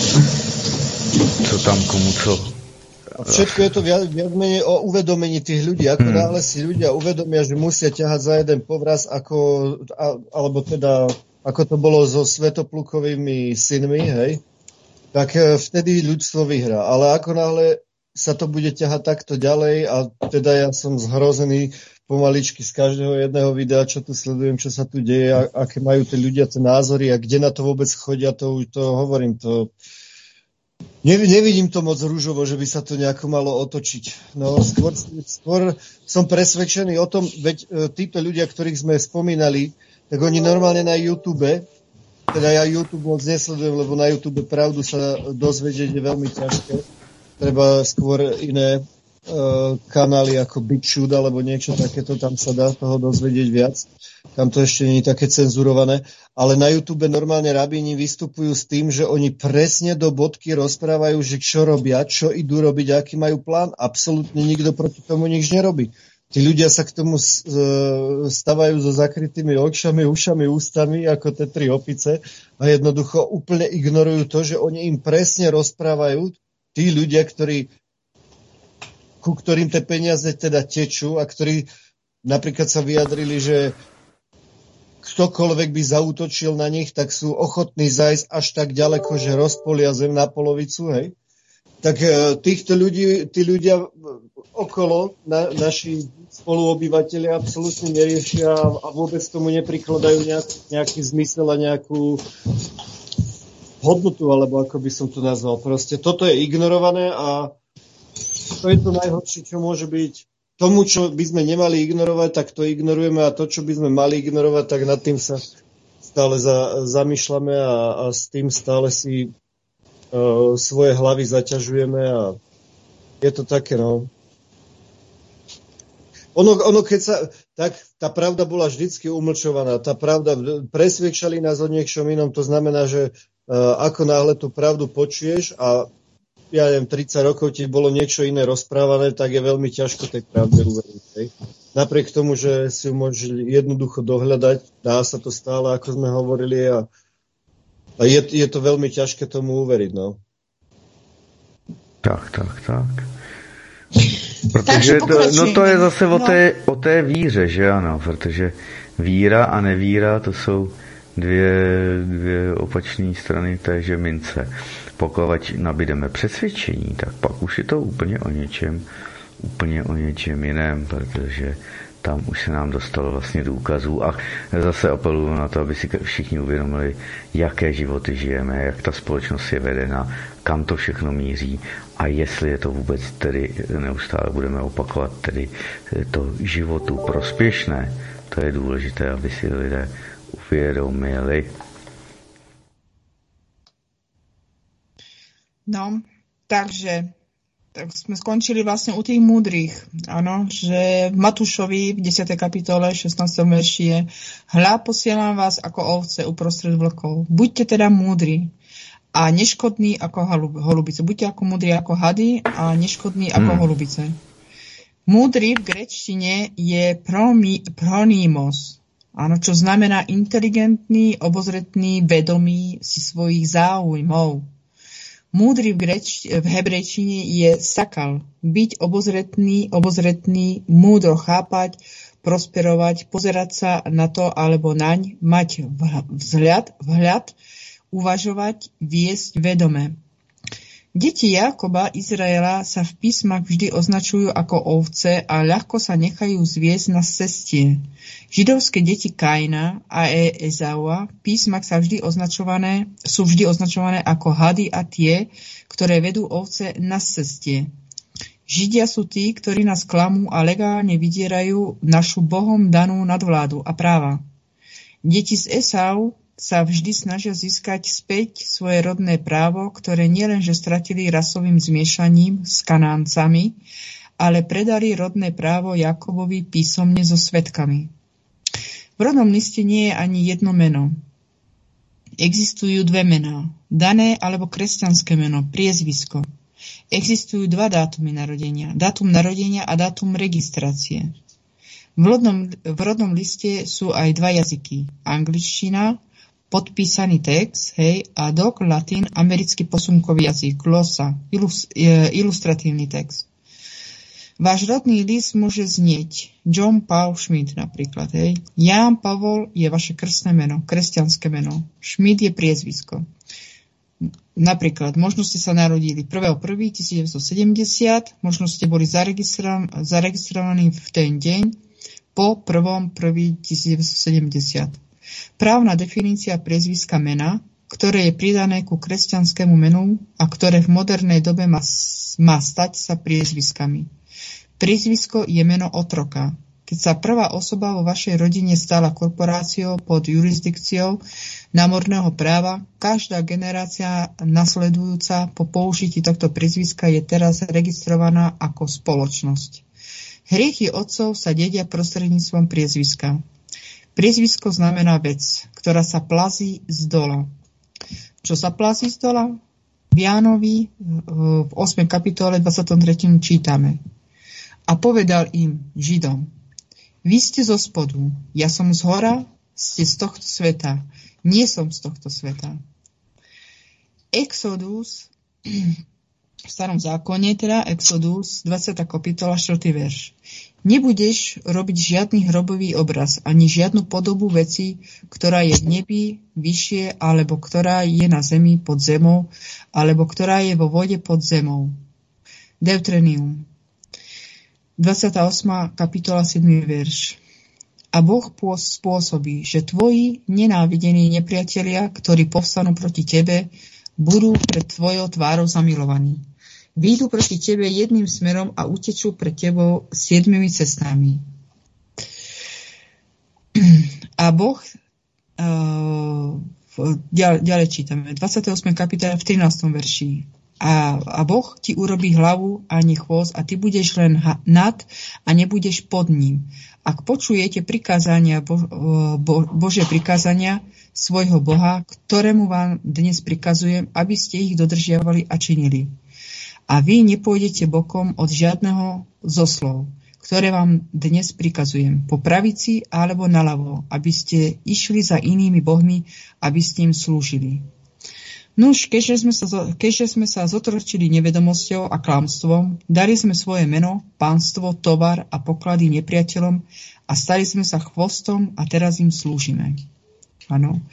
Ďalej v Izaiášovi čítame, 14. verši. A stane sa to v deň, keď vám Boh dá odpočinok od vášho zarmutku a od vášho strachu, zmetku a od tvrdého otroctva, v ktorom ste boli stvorení, aby ste slúžili. Aby ste prijali toto príslovie proti babylonskému kráľovi a povedali, ako prestal utláčateľ, zlaté mesto prestalo. Zla, zlaté mesto je inak nesprávne, hebrejské slovo je Mathebach a jeho význam nie je známy. Strongov názor je zlato, exastres, zlaté mesto. Názor je búrlivý, zúrivý správanie. Hej, aká, aká je teda vec, ktorá sa plazí z dola? Diabol, protivník, žid, podvod, otroctvo, otroctvo, smrť. Hej, v zjavení tiež e, čítame v 12. kapitole. A veľký drak bol vyhnaný, ten starý had, zvaný diabol a satan, ktorý klame celý svet. Bol vyhnaný do zeme a jeho anieli boli vyhnaní s ním.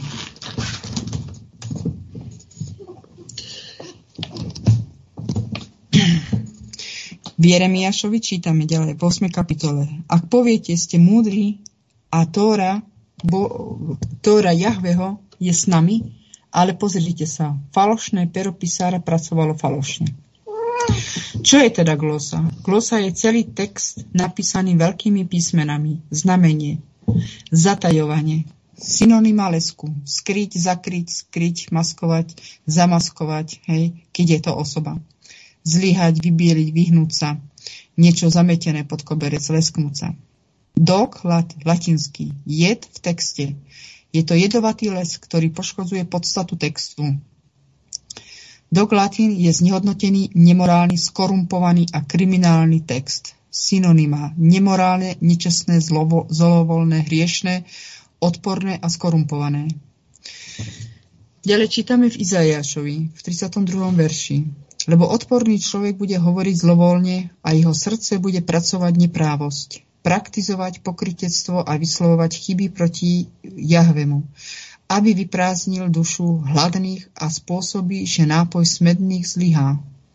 Nástroje tiež, nástroje tiež sú zlé. On vyvrhuje zlovolné zariadenia na ničenie chudobných klamarskými slovami, aj keď núcni hovoria správne.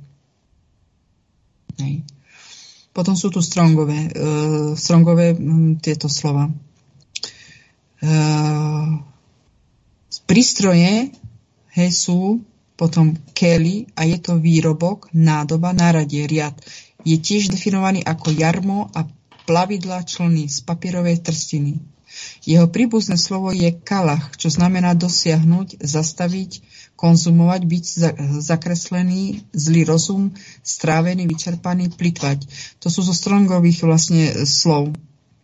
Hej, to, je inak, uh, by som povedala, najbližšie vlastne uh, k Biblii. Hrob je definovaný ako písanie na vyrezávanie alebo škrabanie písmen alebo číslic. Ak chcete zaklínať, hej, Hev sa má oddeliť rezným nástrojom. Niečo napísané je hrobové, vyrezávané, rezané, opracované. Výsledkom gramatický oklamania je zabezpečenie vášho e, entabolizmu. Ozeášovi napríklad čítame v 4. kapitole. Môj ľud je zničený pre nedostatok vedomostí. Hej. Gramatika a latinčina boli zo škôl odstránené v rokoch 1960. Hej. Preto a preto vlastne sú ľudia negramotní. Anglické spoločenstvo Austrálie. Staroveká latinčina napríklad je Commonwealth of Australia, hej, latinské spoločenstvo Austrálie.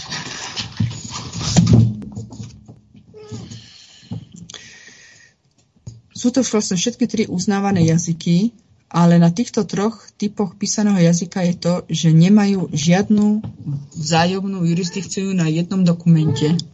Takže ak máte stranu textu a obsahuje angličtinu a latinčinu, neexistuje žiadna korešpondencia medzi týmito dvoma jazykmi napísaná na tomto papieri. Tento príbeh je o jednoduchom anglickom texte a skrytom texte, ktorý bol uzurpovaný do anglického textu bez toho, aby ste si boli vedomi takéhoto podvodu, čo spôsobilo, že takáto korupcia v texte nadobudla iný význam, ako ste kedy predpokladali.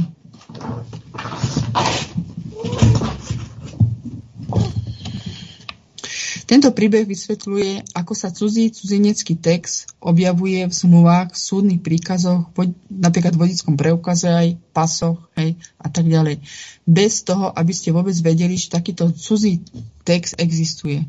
Tento trik, ktorý sa hrá na nič netušiacu verejnosť, spravujú skutoční psi podsvetia, aby ste sa stali správcom zahraničného subjektu firmného bankovníctva, ktorý je cudzí, a cudzí vašej skutočnej suverenite.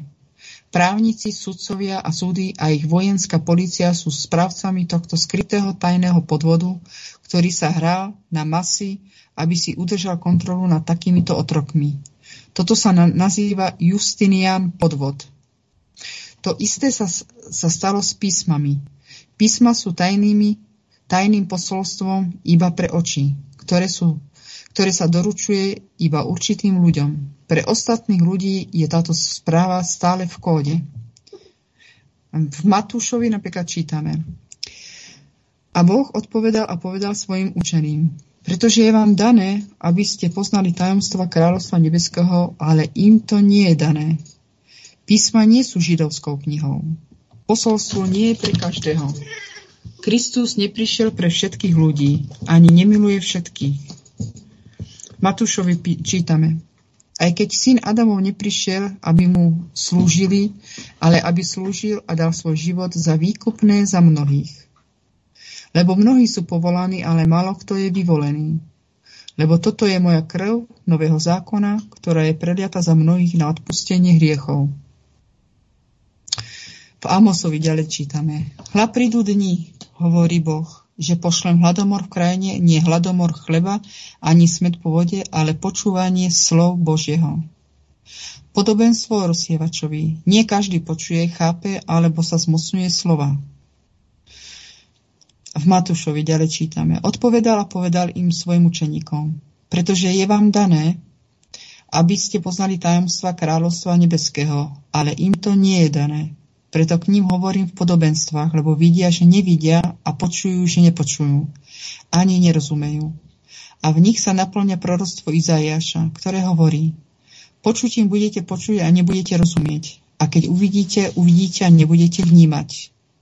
Lebo srdce tohto ľudu je pokrčené a uši ich sú matné od sluchu a oči ich majú zatvorené, aby nikdy nevideli svojimi očami a počuli ušami a rozumeli svojim srdce svojim srdcom a malo by byť obrátené a ja by som ich mal uzdraviť. Hej, skutky, 28. kapitola. kapitola. Ale nie všetci poslúchli evanelium. Pre Iz- Izajaša hovorí, Božieho, kto uveril našej správe? Takže viera prichádza počutím a počutím slovom Božím. Boh vie, ako vyslobodiť zbožných z pokušení a vyhradiť nespravodlivých na súdny deň potrestania. Písmo učí, že je to Boh, kto vás priťahuje. Jahúva, ktorý si vás vyberá. A Boh, ktorý vám otvára uši, oči a porozumenie. Jahveh po svojej múdrosti dokázal napísať správu v tom, čo vyzerá ako obyčajný text. Inými slovami, nevyzerá to ako tajný dokument alebo správa, ale je to zakódované. Existuje niečo, čo Jahveh dáva jednotlivcom, čo je v skutočnosti dekodovací stroj. Terminológia písiem je duch svetý. Dekodovací stroj, aby osoba, ktorá je to, ktorej je to určené, mohla pochopiť posolstvo. Písma identifikujú ľudí, ktorým je toto posolstvo adresované. Sám Kristus uviedol, kto to bol v Matúšovi 15. kapitole. A nie sú to Židia, pohania ani církev. Hej, oslovení ľudia sú deti Jakobove. Církvy neučia kresťanstvo, pravú náuku, pravú identitu a pravé posolstvo Evanília, ktoré bolo určené len pre stratené ovce doma, domu Izraela. Nepriatelia našej rasy prevrátili písma a zákony Možišové do bastartiz- bastartizovaného univerzálneho posolstva. Odstranili meno Božie za hospodinu. Nahradili Židov ako Izrael z Biblie a vložili falošné náuky ako spasený vytrženie Ježiš je Žid a v podstate všetko ostatné, čo učia. Kódoví úradníci, ktorých nazývali ministra, ministrami, ktorých sa pokúšajú dekodovať túto správu a odovzdať ju iným ľuďom. Sú vo svojom úsilí štilizovaní, brzdení a v mnohých prípadoch viete, čo urobili? Vymysleli si ďalšie posolstvo. Vymysleli si ďalšie posolstvo a títo falošní kazatelia, či už z nevedomosti alebo vedomosti, alebo zámerne, doručia ďalšiu správu svojmu naivnému stádu a správa, ktorú pôvodca poslal, nie je doručená ľuďom. Stále je to v kóde. 33 tisíc ďalších kódov pod rúškom pravého kresťanstva, ale nie kresťanstva. V Matúšovi ďalej čítame. Lebo mnohí prídu v mojom mene a povedia, ja som Kristus a oklame mnohých. 33 tisíc denominácií náboženských, ktoré tvrdia, že kresťanstvo prináša ďalšie posolstvo, ďalšie evanílium, inú cestu k spáse a ďalšieho Ježiša. Hej. Preto každá denominácia a židovsko-kresťanská církev učí klamstvá. Snažíme sa odhaliť falošné náuky, ktoré sa vyučujú. Nemohli by ste prinútiť Izraelitov, aby počúvali falošnú náuku, pokiaľ ste ich, naj, ste ich najprv neprinútili, aby k vám prišli s použitím mena Ježiša Krista a povedali, že dostávate posolstvo z Biblie. Nemohli ste prinútiť Izraelitov, aby išli do kostola, keď ste priniesli ďalšiu knihu a povedali, toto je naša Biblia. Nešli by. Preto sú naši ľudia oklamaní. Boli subtilne oklamaní generáciou za generáciou. Väčšina nominálnych hodnôt bola vynájdená e, v roku 1800. Židovsko-kresťanstvo bolo vynájdené a násilne krmené našimi prastarými rodičmi v roku 1930.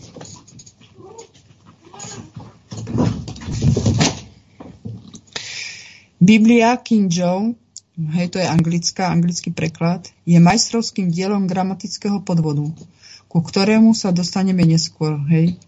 Vlastne to potom môžeme urobiť zase nejakú reláciu. Ukážky toho, ako sa text podvodu zobrazuje. Hej. Tu sú potom ukážky, to, ja som ti tam poslala, potom to potom môžeme dať e, pod, pod video. Takže to platí, uh, tieto, vlastne tieto texty, to platí aj pre každý, e, každý preklad písiem. Pôvodné slovo dané zamýšľaním ušiam patriarchov, prorokov, strácov a poštolov bolo skutočne inšpirované Bohom Jahuvách. Slova prekladateľov, písarov, nových revízií a kopírovateľov a tak ďalej neboli nevyhnutne inšpirované Bohom. Preto máme dočinenia s toľkými falošnými doktrínami a falošnými náboženstvami. Všetky sú falošné, sú poškodené, podstata sa mení, je to podvod. Pravda... Smalo... môžem, na, môžem na chvíľku len niečo k tomuto? No. K tomu by som ja chcel len povedať jednu vec, že uh, napríklad keď si uh, porovnáte všetky tie učenia týchto náboženstiev, hej, hovoríme o náboženstvách, tak absolútne e, nevychádzajú priamo z toho písma, z, z, z, tých, z tej Biblie.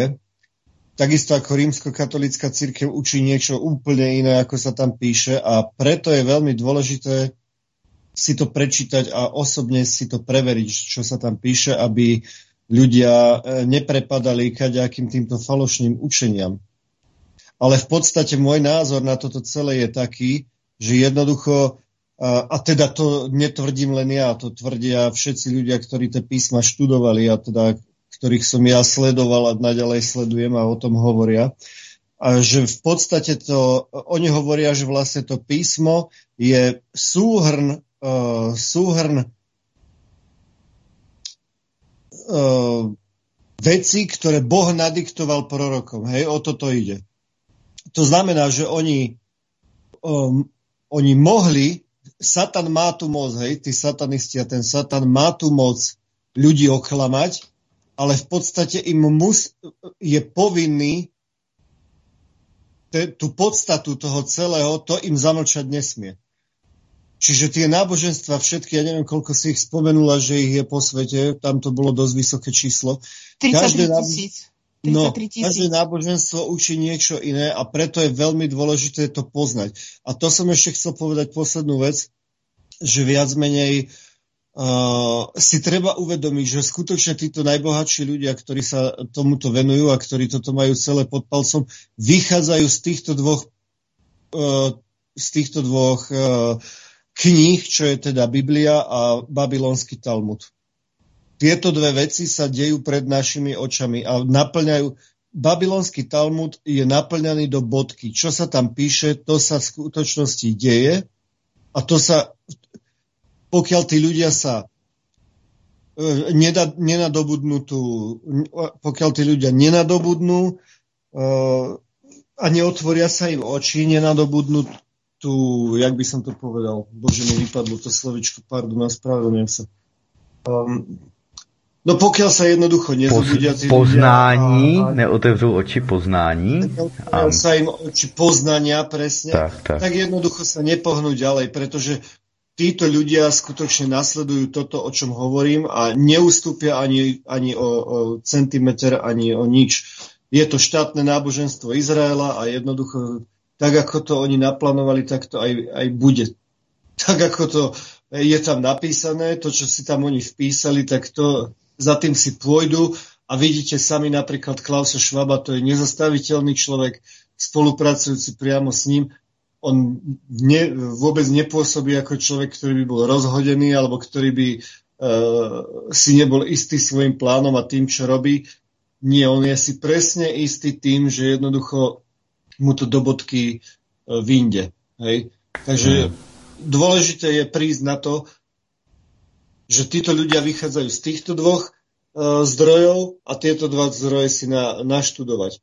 Študovať to, prečítať si to, najlepšie je to prečítať si sám, lebo ako náhle vychádzaš z niečoho, kto ti niekto, čo ti niekto povie, tak automaticky ten niekto si to môže vysvetľovať po svojom úplne inak a preto je dôležité to poznať a, a presvedčiť sa na vlastné oči, čo sa tam píše. A najdôležitejšie je to potom e, aj pochopiť tak, ako to bolo myslené. Toľko som len chcel k tomu. Dík.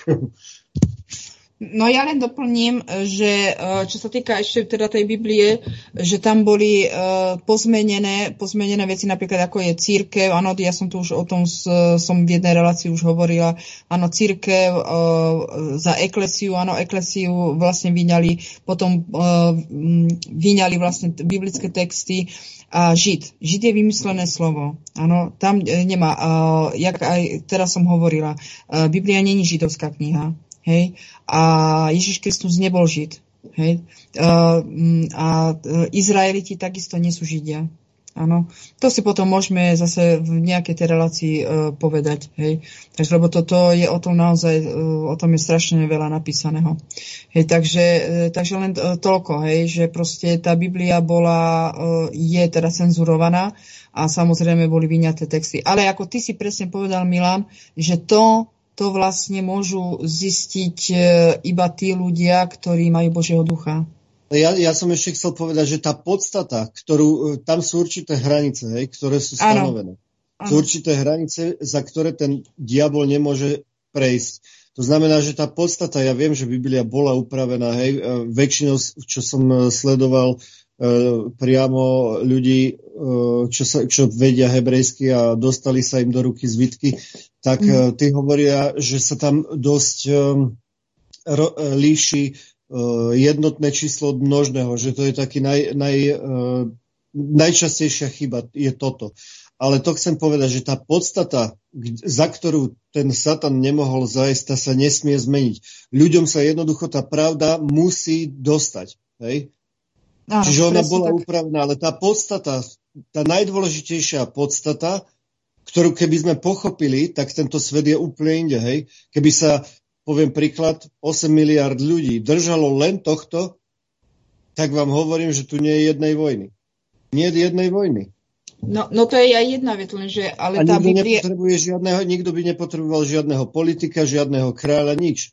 Všetci by mali jasno, mali by jeden jeden rovnaký uh, názor a ja, ja som presvedčený o tom, že v tej Biblii nehovorím teraz konkrétne o starom zákone, ale aj o novom zákone, hej, že jednoducho to je e, vec, kde, sa, kde ťa priamo si nabadaný k tomu, aby si činil dobro a bol láskavý človek. Hej.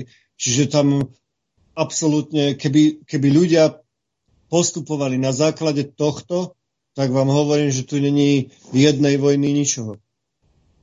Takže to je to zjednotenie, čo, ako, ako to vidím a vnímam ja, že proste tak ano, sa zjednotí. No. No ja len chcem, one, čo, si tý, čo sa týka tej vojny, ja som chcela len povedať toľko, že vlastne vojnu uh, tí ľudia nevedia, že kto je nepriateľ. Totiž to nepriateľ nie je ani Rusko, nepriateľ nie je ani Amerika. Nepriateľ nie je ani východ, ani západ, ani juh, ani sever. Áno, nepriateľ, oni tí ľudia vôbec nevedia, kto je nepriateľ. Nepriateľ je samotný Satan. A oni bojujú, tí, a toto chce práve Satan, aby tí ľudia, preto on musel vytvoriť teda ten, uh, uh, tú, tú doktrínu alebo tú agendu, že teda Satan neexistuje, hej, aby tí ľudia vlastne začali sa byť medzi sebou a nebojovali proti nemu, proti teda satanu a satanským veciam, ale medzi sebou, aby tí ľudia bojovali medzi sebou. O toto išlo. Hej, hlavne.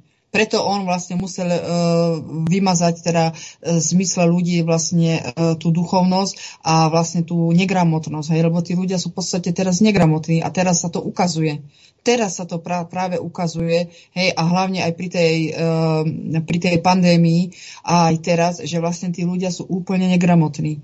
Z, zbytočne oni majú nejaké tie vysoké školy, pretože všetky tie vysoké školy, uh, kto vlastní, áno, uh, jezuiti. Áno, a oni ich tý, na tých školách uh, učili len to, čo oni potrebovali. Proste nič. Absolútne bludy. Sú tam bludy. Tak, jak, či to, či to bola základná škola, či to bola stredná škola, alebo vysoká škola. To sú všetko bludárčenie. Áno, možno je tam šťastie pravda, áno, ale to, to sú všetko bludy. Hej. Takže to len chcem povedať, že vlastne tí ľudia sú v podstate negramotní. Tu nejde o to, že či vedia písať alebo nevedia písať, hej, počítať 1 plus 1, ale všetko toto je, to je negramotnosť. Áno, negramotnosť vlastne v poznaní. Áno, teraz sa vlastne, teraz to vychádza na jeho, že tí ľudia sú úplne negramotní. Hej, poznaní.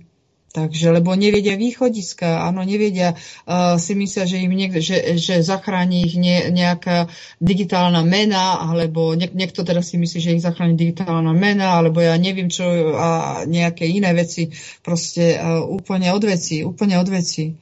Áno, takže, takže asi tak. Takisto majú aj zlú mienku, treba o tom živom človeku. Hej, tu sa chcú napojiť na, nejaký, uh, na nejaké, že na nejakú energiu, ale oni sa musia, keď sa chcú napojiť na energiu, sa musia napojiť na tú správnu energiu. Hej, pretože aj Satan je energia. Áno, aby, to, aby sme sa nemielili potom. Aj Satan je energia. Takže asi tak. Hej. Takže, takže takto. A k tomu, vieš, tomu talmudizmu, ešte tuto mám, mm, je tu napis, že koniec hebrejizmu, začiatok judaizmu, áno, Talmud. Keď boli keď boli deti Izraela v babylonskom zajatí edomickí a kanánsky židia si vytvárali vlastné náboženstvo judaizmus. Nazývali, nazývalo sa to aj tradície starších, tradície ľudí, judaizmus, talmudizmus, komunizmus, socializmus, satanizmus. Judaizmus, náboženský systém, doktríny a obrady židov. Judaizmus je konkrétne náboženstvom židovskej komunity, žijúcej medzi pohanskými národmi a tre, treba ho odlíšiť od náboženstva starovekého Izraela. Štandardná encyklopédia. Takže čo je teda v štandardnej encyklopédii o judaizme. Slávny rabín Louis Finkelstein vo svojej knihe Farizei sociologické pozadie ich viery v predslov uvádza. Judaizmus, farizizmus, hej, sa stal talmudizmom. Talmudizmus sa stal stredovekým rabínstvom a stredoveký, stredoveký rabí, rabínstvo, rabín, stredoveký, stredoveké rabínstvo sa stalo moderným rabínstvom. Ale počas týchto zmien v názve duch starý, starých farizeov prežil nezmenený. Z Palestíny do Babylonu, od Babylónie po Severnú Afriku, Taliansko, Španielsko, Francúzsko a Nemecko.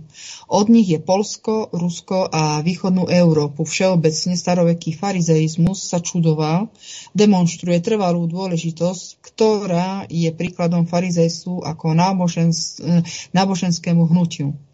Talmud je svetá kniha Židov. Pozrite sa na to niekedy, hej, e, e, jak si aj teda tá, ty nabádal, Milan, aby si to tí ľudia prečítali. Hej, oni každý sám, osobitne, hej, aby sa teda aj presvedčili, hej, ako teda nás oni nenávidia. Ako nenávidia vlastne aj teda Krista a Boha ako takého. Hej. Takže, takže to, toto treba. Židia teraz napríklad vlastne a riadia svetový systém, čo sme už x razy hovorili. Hej.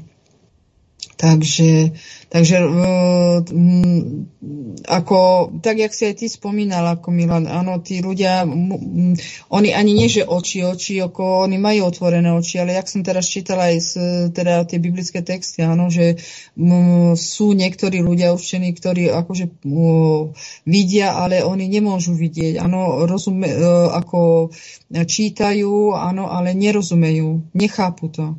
Hej, proste Boh si vyberá tých svojich ľudí. Bohužiaľ. Ako naozaj bohužiaľ.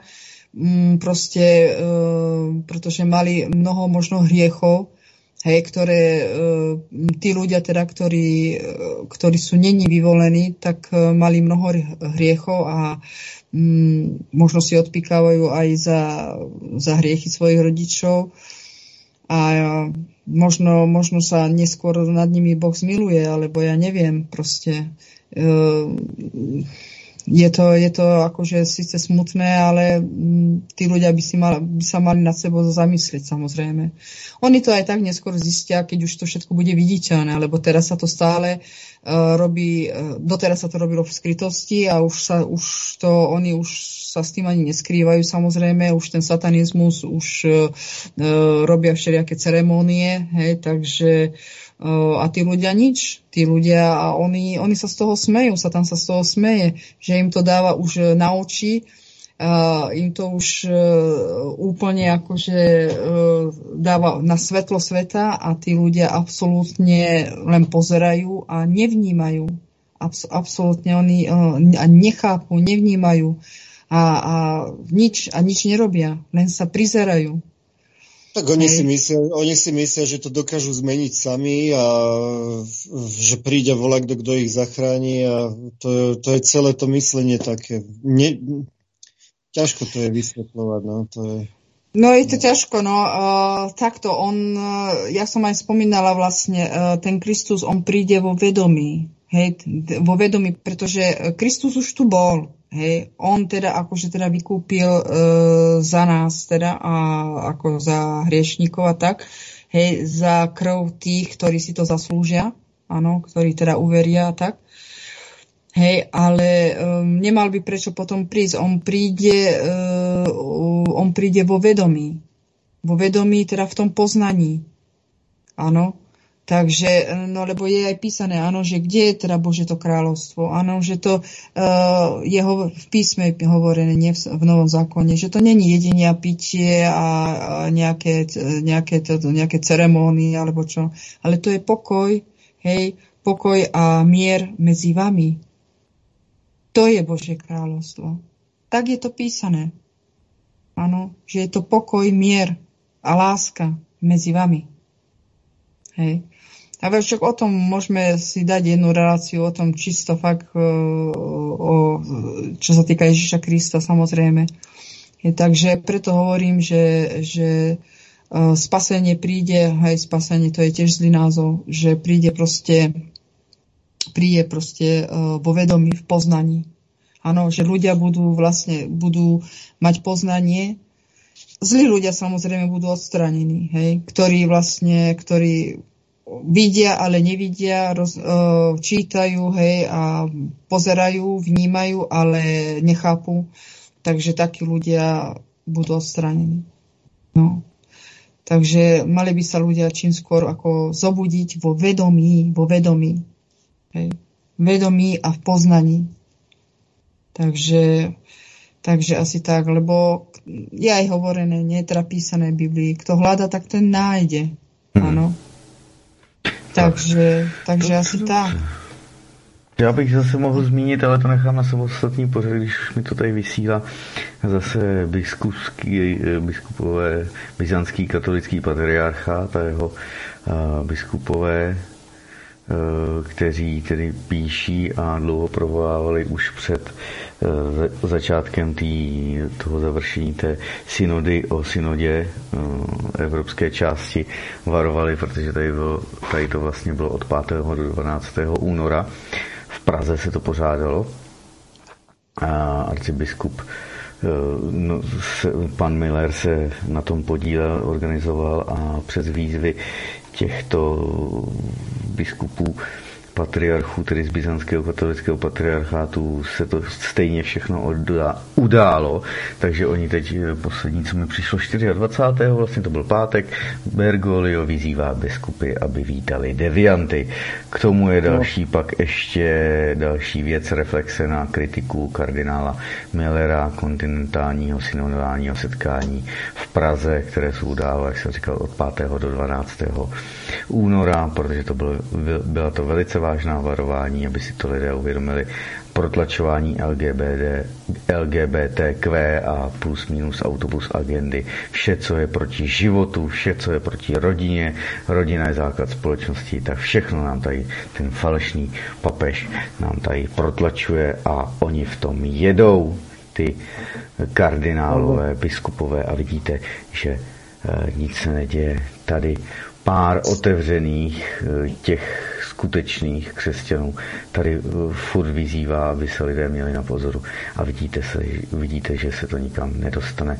Takže si to beru za úkol já, protože mě pánové zase poslali tedy e-mail, je tady i video, video, co to je? Video, jakože video dopis, tak já to pak radši načtu, asi se tomu budu věnovat zítra nebo v úterý.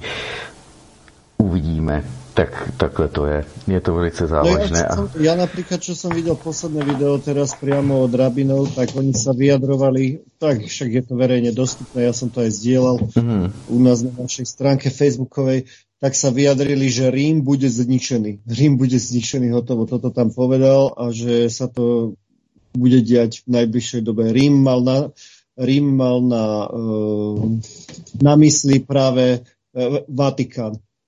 Hej? Hmm. Tak, tak, takto sa oni vyjadrili. Prečo sa k tomu vyjadrujú? Je to, je to vlastne ten príbeh o Ezávovi a Jakobovi, ktorý sme spomínali. Oni nedokážu, nevedia teda uh, tam, uh, oni sú veľmi stotožení s tým, že teda tam bolo ukradnuté to prvenstvo, aj to sme už rozoberali v minulej časti a nevedia uh, sa, uh, nevedia jednoducho uh, sa zmieriť s tým, že v roku 70 bol uh, Jeruzalem Rímanmi dobitý a bol zborený ten uh, druhý chrám, ktorý teraz chcú znova postaviť. Na tom sa teraz najviac pracuje. No a myslím, že sa na to aj dosť tlačí a to sú vlastne tie najvážnejšie veci, ktoré, ktoré je potrebné sledovať teraz. Tak, tak, tak. Od, toho sa bude, od toho sa bude vlastne, tak by som to povedal, tak tá celá globalizácia, hej, ktorú, tu, ktorú tu vidíme, sa odvíja priamo od tohto. A či sa to niekomu páči alebo nie, ja hovorím, ja nenatlačam môj názor nikomu, ja to mám e, priamo od nich, mám to potvrdené z knih, ktoré som čítal a jednoducho viem, že sa to bude takto uberať. Kto neverí, nemusí veriť. Samozrejme, je to môj názor, názor veľa ľudí okolo mňa, ale hovorím, necháme sa prekvapiť a tí ľudia jednoducho budú vidieť, že či som pravdu mal, alebo som pravdu nemal. Tá globalizácia má prebehnúť tak, že vlastne z Jeruzalema bude, bude uh, uh, tam bude tá celá jedna celosvetová vláda a stade sa bude vládnuť celému svetu. Hmm. A je tam zase veľa kadejakých vecí, ktoré majú tomu uh, predchádzať. Oni tvrdia, že uh, ten ich mesiaž nebude uh, ten ich mesiaž, tu je vlastne, oni ho mysli, oni majú na mysli ako svojho kráľa, on by to tu mal prevziať, mala by byť jedna celosvetová vláda, mal by zjednotiť všetky národy sveta a tak. No a že jeho príchodu bude predchádzať obrovská vojna. Hej? Toto, tam, toto sa tam píše priamo v Talmude, takže ja som presvedčený o tom, ani hovorím, nebudem rozprávať, že kedy to príde, lebo to nikto nevie, hej, kedy to oni ako urobia, kedy sa do toho pustia naplno, to nevieme odhadnúť, ale jednoducho, e, jednoducho vidíme, že nech sa deje čokoľvek, tak uh, priamo to tam smeruje, takže neviem, ako sme blízko tomuto celému, jo. je to také dosť Mm, Nedá ten, sa to. Ten základní zlom, ten přelom, ten už se tady je, že jo, dlouho. A se to oddělí, no, zrno od plev, nebo já nevím, jak to říkat, a nevím ani kde skončím já, zkrátka, jestli se rozdělí realita, nebo jestli zkrátka ti jiní budou muset vymřít, anebo to bude úplně nějak jinak, nevím, jak to bude probíhat, ale vidíme, že zkrátka takhle už to dál nejde a přesně, jak jste říkali, i o tom trávení lidí, mRNA v úvozovkách, vakcíny, tyto uh, tyto srágory, experimentální látky, které se tady nacpaly do lidí, že ano. A vidíme, jak to všechno probíhá, takže e, brouky nám teď tlačí, že jo, aby jsme jedli ať už jsou to teda cvrček domácí, acheta domesticus, anebo už tam potemník a další. Evropská unie to schválila eh, na německých portálech, na Telegramu a na Facebooku. Už jsou stránky, které se tomu věnují, které upozorňují, když to tam někdo odhalí, okamžitě to nafotí obal, nafotí tam i to složení, aby to lidé viděli, aby někdo nemohl říkat, takhle to není a dávají to veřejně znát, aby si na to lidé dávali pozor. Zase to bude o tom, eh, že vědom, my vědomě budeme budeme přistupovat k tomu, co budeme kupovat. Pokud to teda v úvozovkách označeno, jako že to obsahuje tyto svinstva, tak, že to bude správně označeno, tak hold je to na nás, aby jsme my koukali na ty obaly, my sledovali to složení, tak jako to lidé docílili, že dneska už vám všude píší, neobsahuje umělá barviva a konzervanty a já nevím, glut, glutamát, co to je ještě teda hodně, a další otraviny nebo otrav, uh, jedy v potravinách a další věci, takže takhle to je. Každý bude muset rozhodovat svojí peněženkou vědomně, přesně o tom to je, aby člověk byl vědomý, nemusíte být žádný Buddha vznášející se na obláčku a nic takového. Je to o tom, že i vědomě budete přistupovat k té spotřebě a hold ne, vy budete rozhodovat, kdo v tom světě dalším přežije, jestli ho tou svojí korunou, eurem nebo čímkoliv jiným podpoříte. Vy musíte volit, dámy a pánové, svojí peněženkou. Stejně tak musíte volit všechny, eh, i ty zmetky, kteří vám tady říkali, volte toho, volte tam toho a tady ten bude nejlepší, když vidíme, že vol, volby jsou stejně všechny sfalšované, že ano, a vy si to udělali, jak chtěli. Víme, jak se k tomu přistupuje, jestli, no, jestli jsou to volby prezidentské, do parlamentu, do senátu, do Evropského parlamentu nebo do obecních zastupitelstv. Zkrátka je to všechno jedno šmečko a změní se figurky, když tak jména, ale vidíte, že to zase jede stále dál. Takže každý z nás může ovlivňovat to své nejbližší okolí a tam můžeme působit na to, aby jsme změnili ten svět změnou toho svého myšlení, přístupu a toho, co vlastně děláme a konáme. No už Simonko a Milane, čas se nám naplnil, takhle bychom to možná mm-hmm. mohli uzavřít.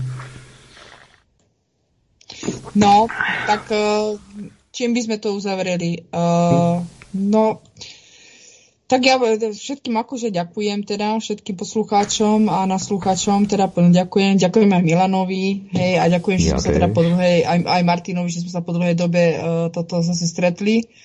Áno, po dvoch mesiacoch, hej, a že teda dneska to vyzeralo, že asi nebudeme vysielať, ale nakoniec teda, hej. Takže asi tak, no, takže uvidíme sa teda za dva týždne. No, no ďakujem. A... No. A pekný ja večer. Teda poďakovať za pozornosť bola to celkom príjemná debata, veľa vecí sme povedali, je toho veľmi veľa, nedá sa to do tých dvoch hodiniek zhrnúť všetko. Takže snaď na budúci niekedy ešte. Dobre, ďakujem vám obom. Já tež děkuji vám oběma, děkuji naslouchačům a naslouchačkám, nebo naslouchačkám a naslouchačům, abych byl zdvořilý, nejdřív dámám a pak pánům, abych byl zdvořilý. Děkuji za poslech, za pozornost a za šíření.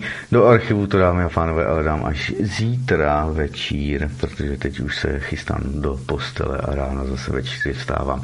Takže děkuji za pozornost a děkuji i za účast Simonce a Milanovi a přeji všem hezký večer. Podobně, podobně, dobrou noc. Díky dobrou moc. Noc. Vám též, kde jsem to chtěl dát, tohle jen na rozloučení. Lidi dostávají to, jaký jsou. Nikdy nedostávají nic jiného.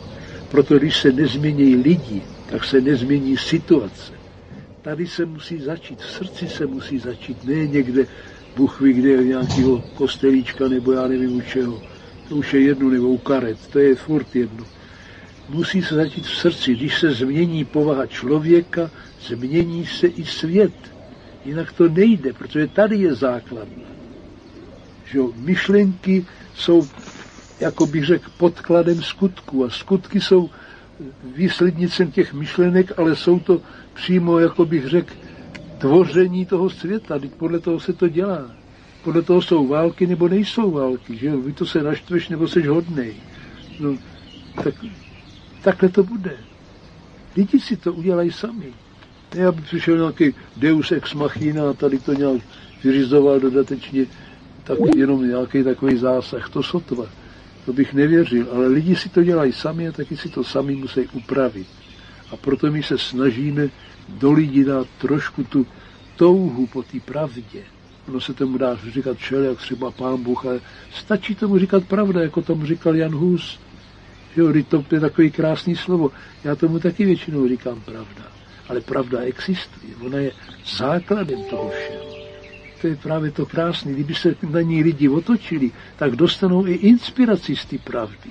Oni nebudou špatní, oni nebudou sobecký. Oni nebudou takový, jak bych řekl, liškový, tý takový mazaný, jako se teďka celý svět vytváří. I ten kapitalismus taky není ideální, po této stránce se to pere daleko více než předtím. Jeden se tahá o a pořád o ten majetek zatracený, pořád jenom o to, chramulit kolem seba honem, honem já, abych měl a ten druhý třeba nemá nic. Ono to není jenom v tom, v tomhle tom, že by to v kapitalismu bylo takový svatý. Není to pravda. A to si musíme uvědomit, že budeme mít takový prostředí, jaký budeme sami. Takový prostředí budeme mít, jak si ho uděláme. Když budeme dobrý, bude dobrý. Když budeme sobecký, bude sobecký. Je naprosto jasné.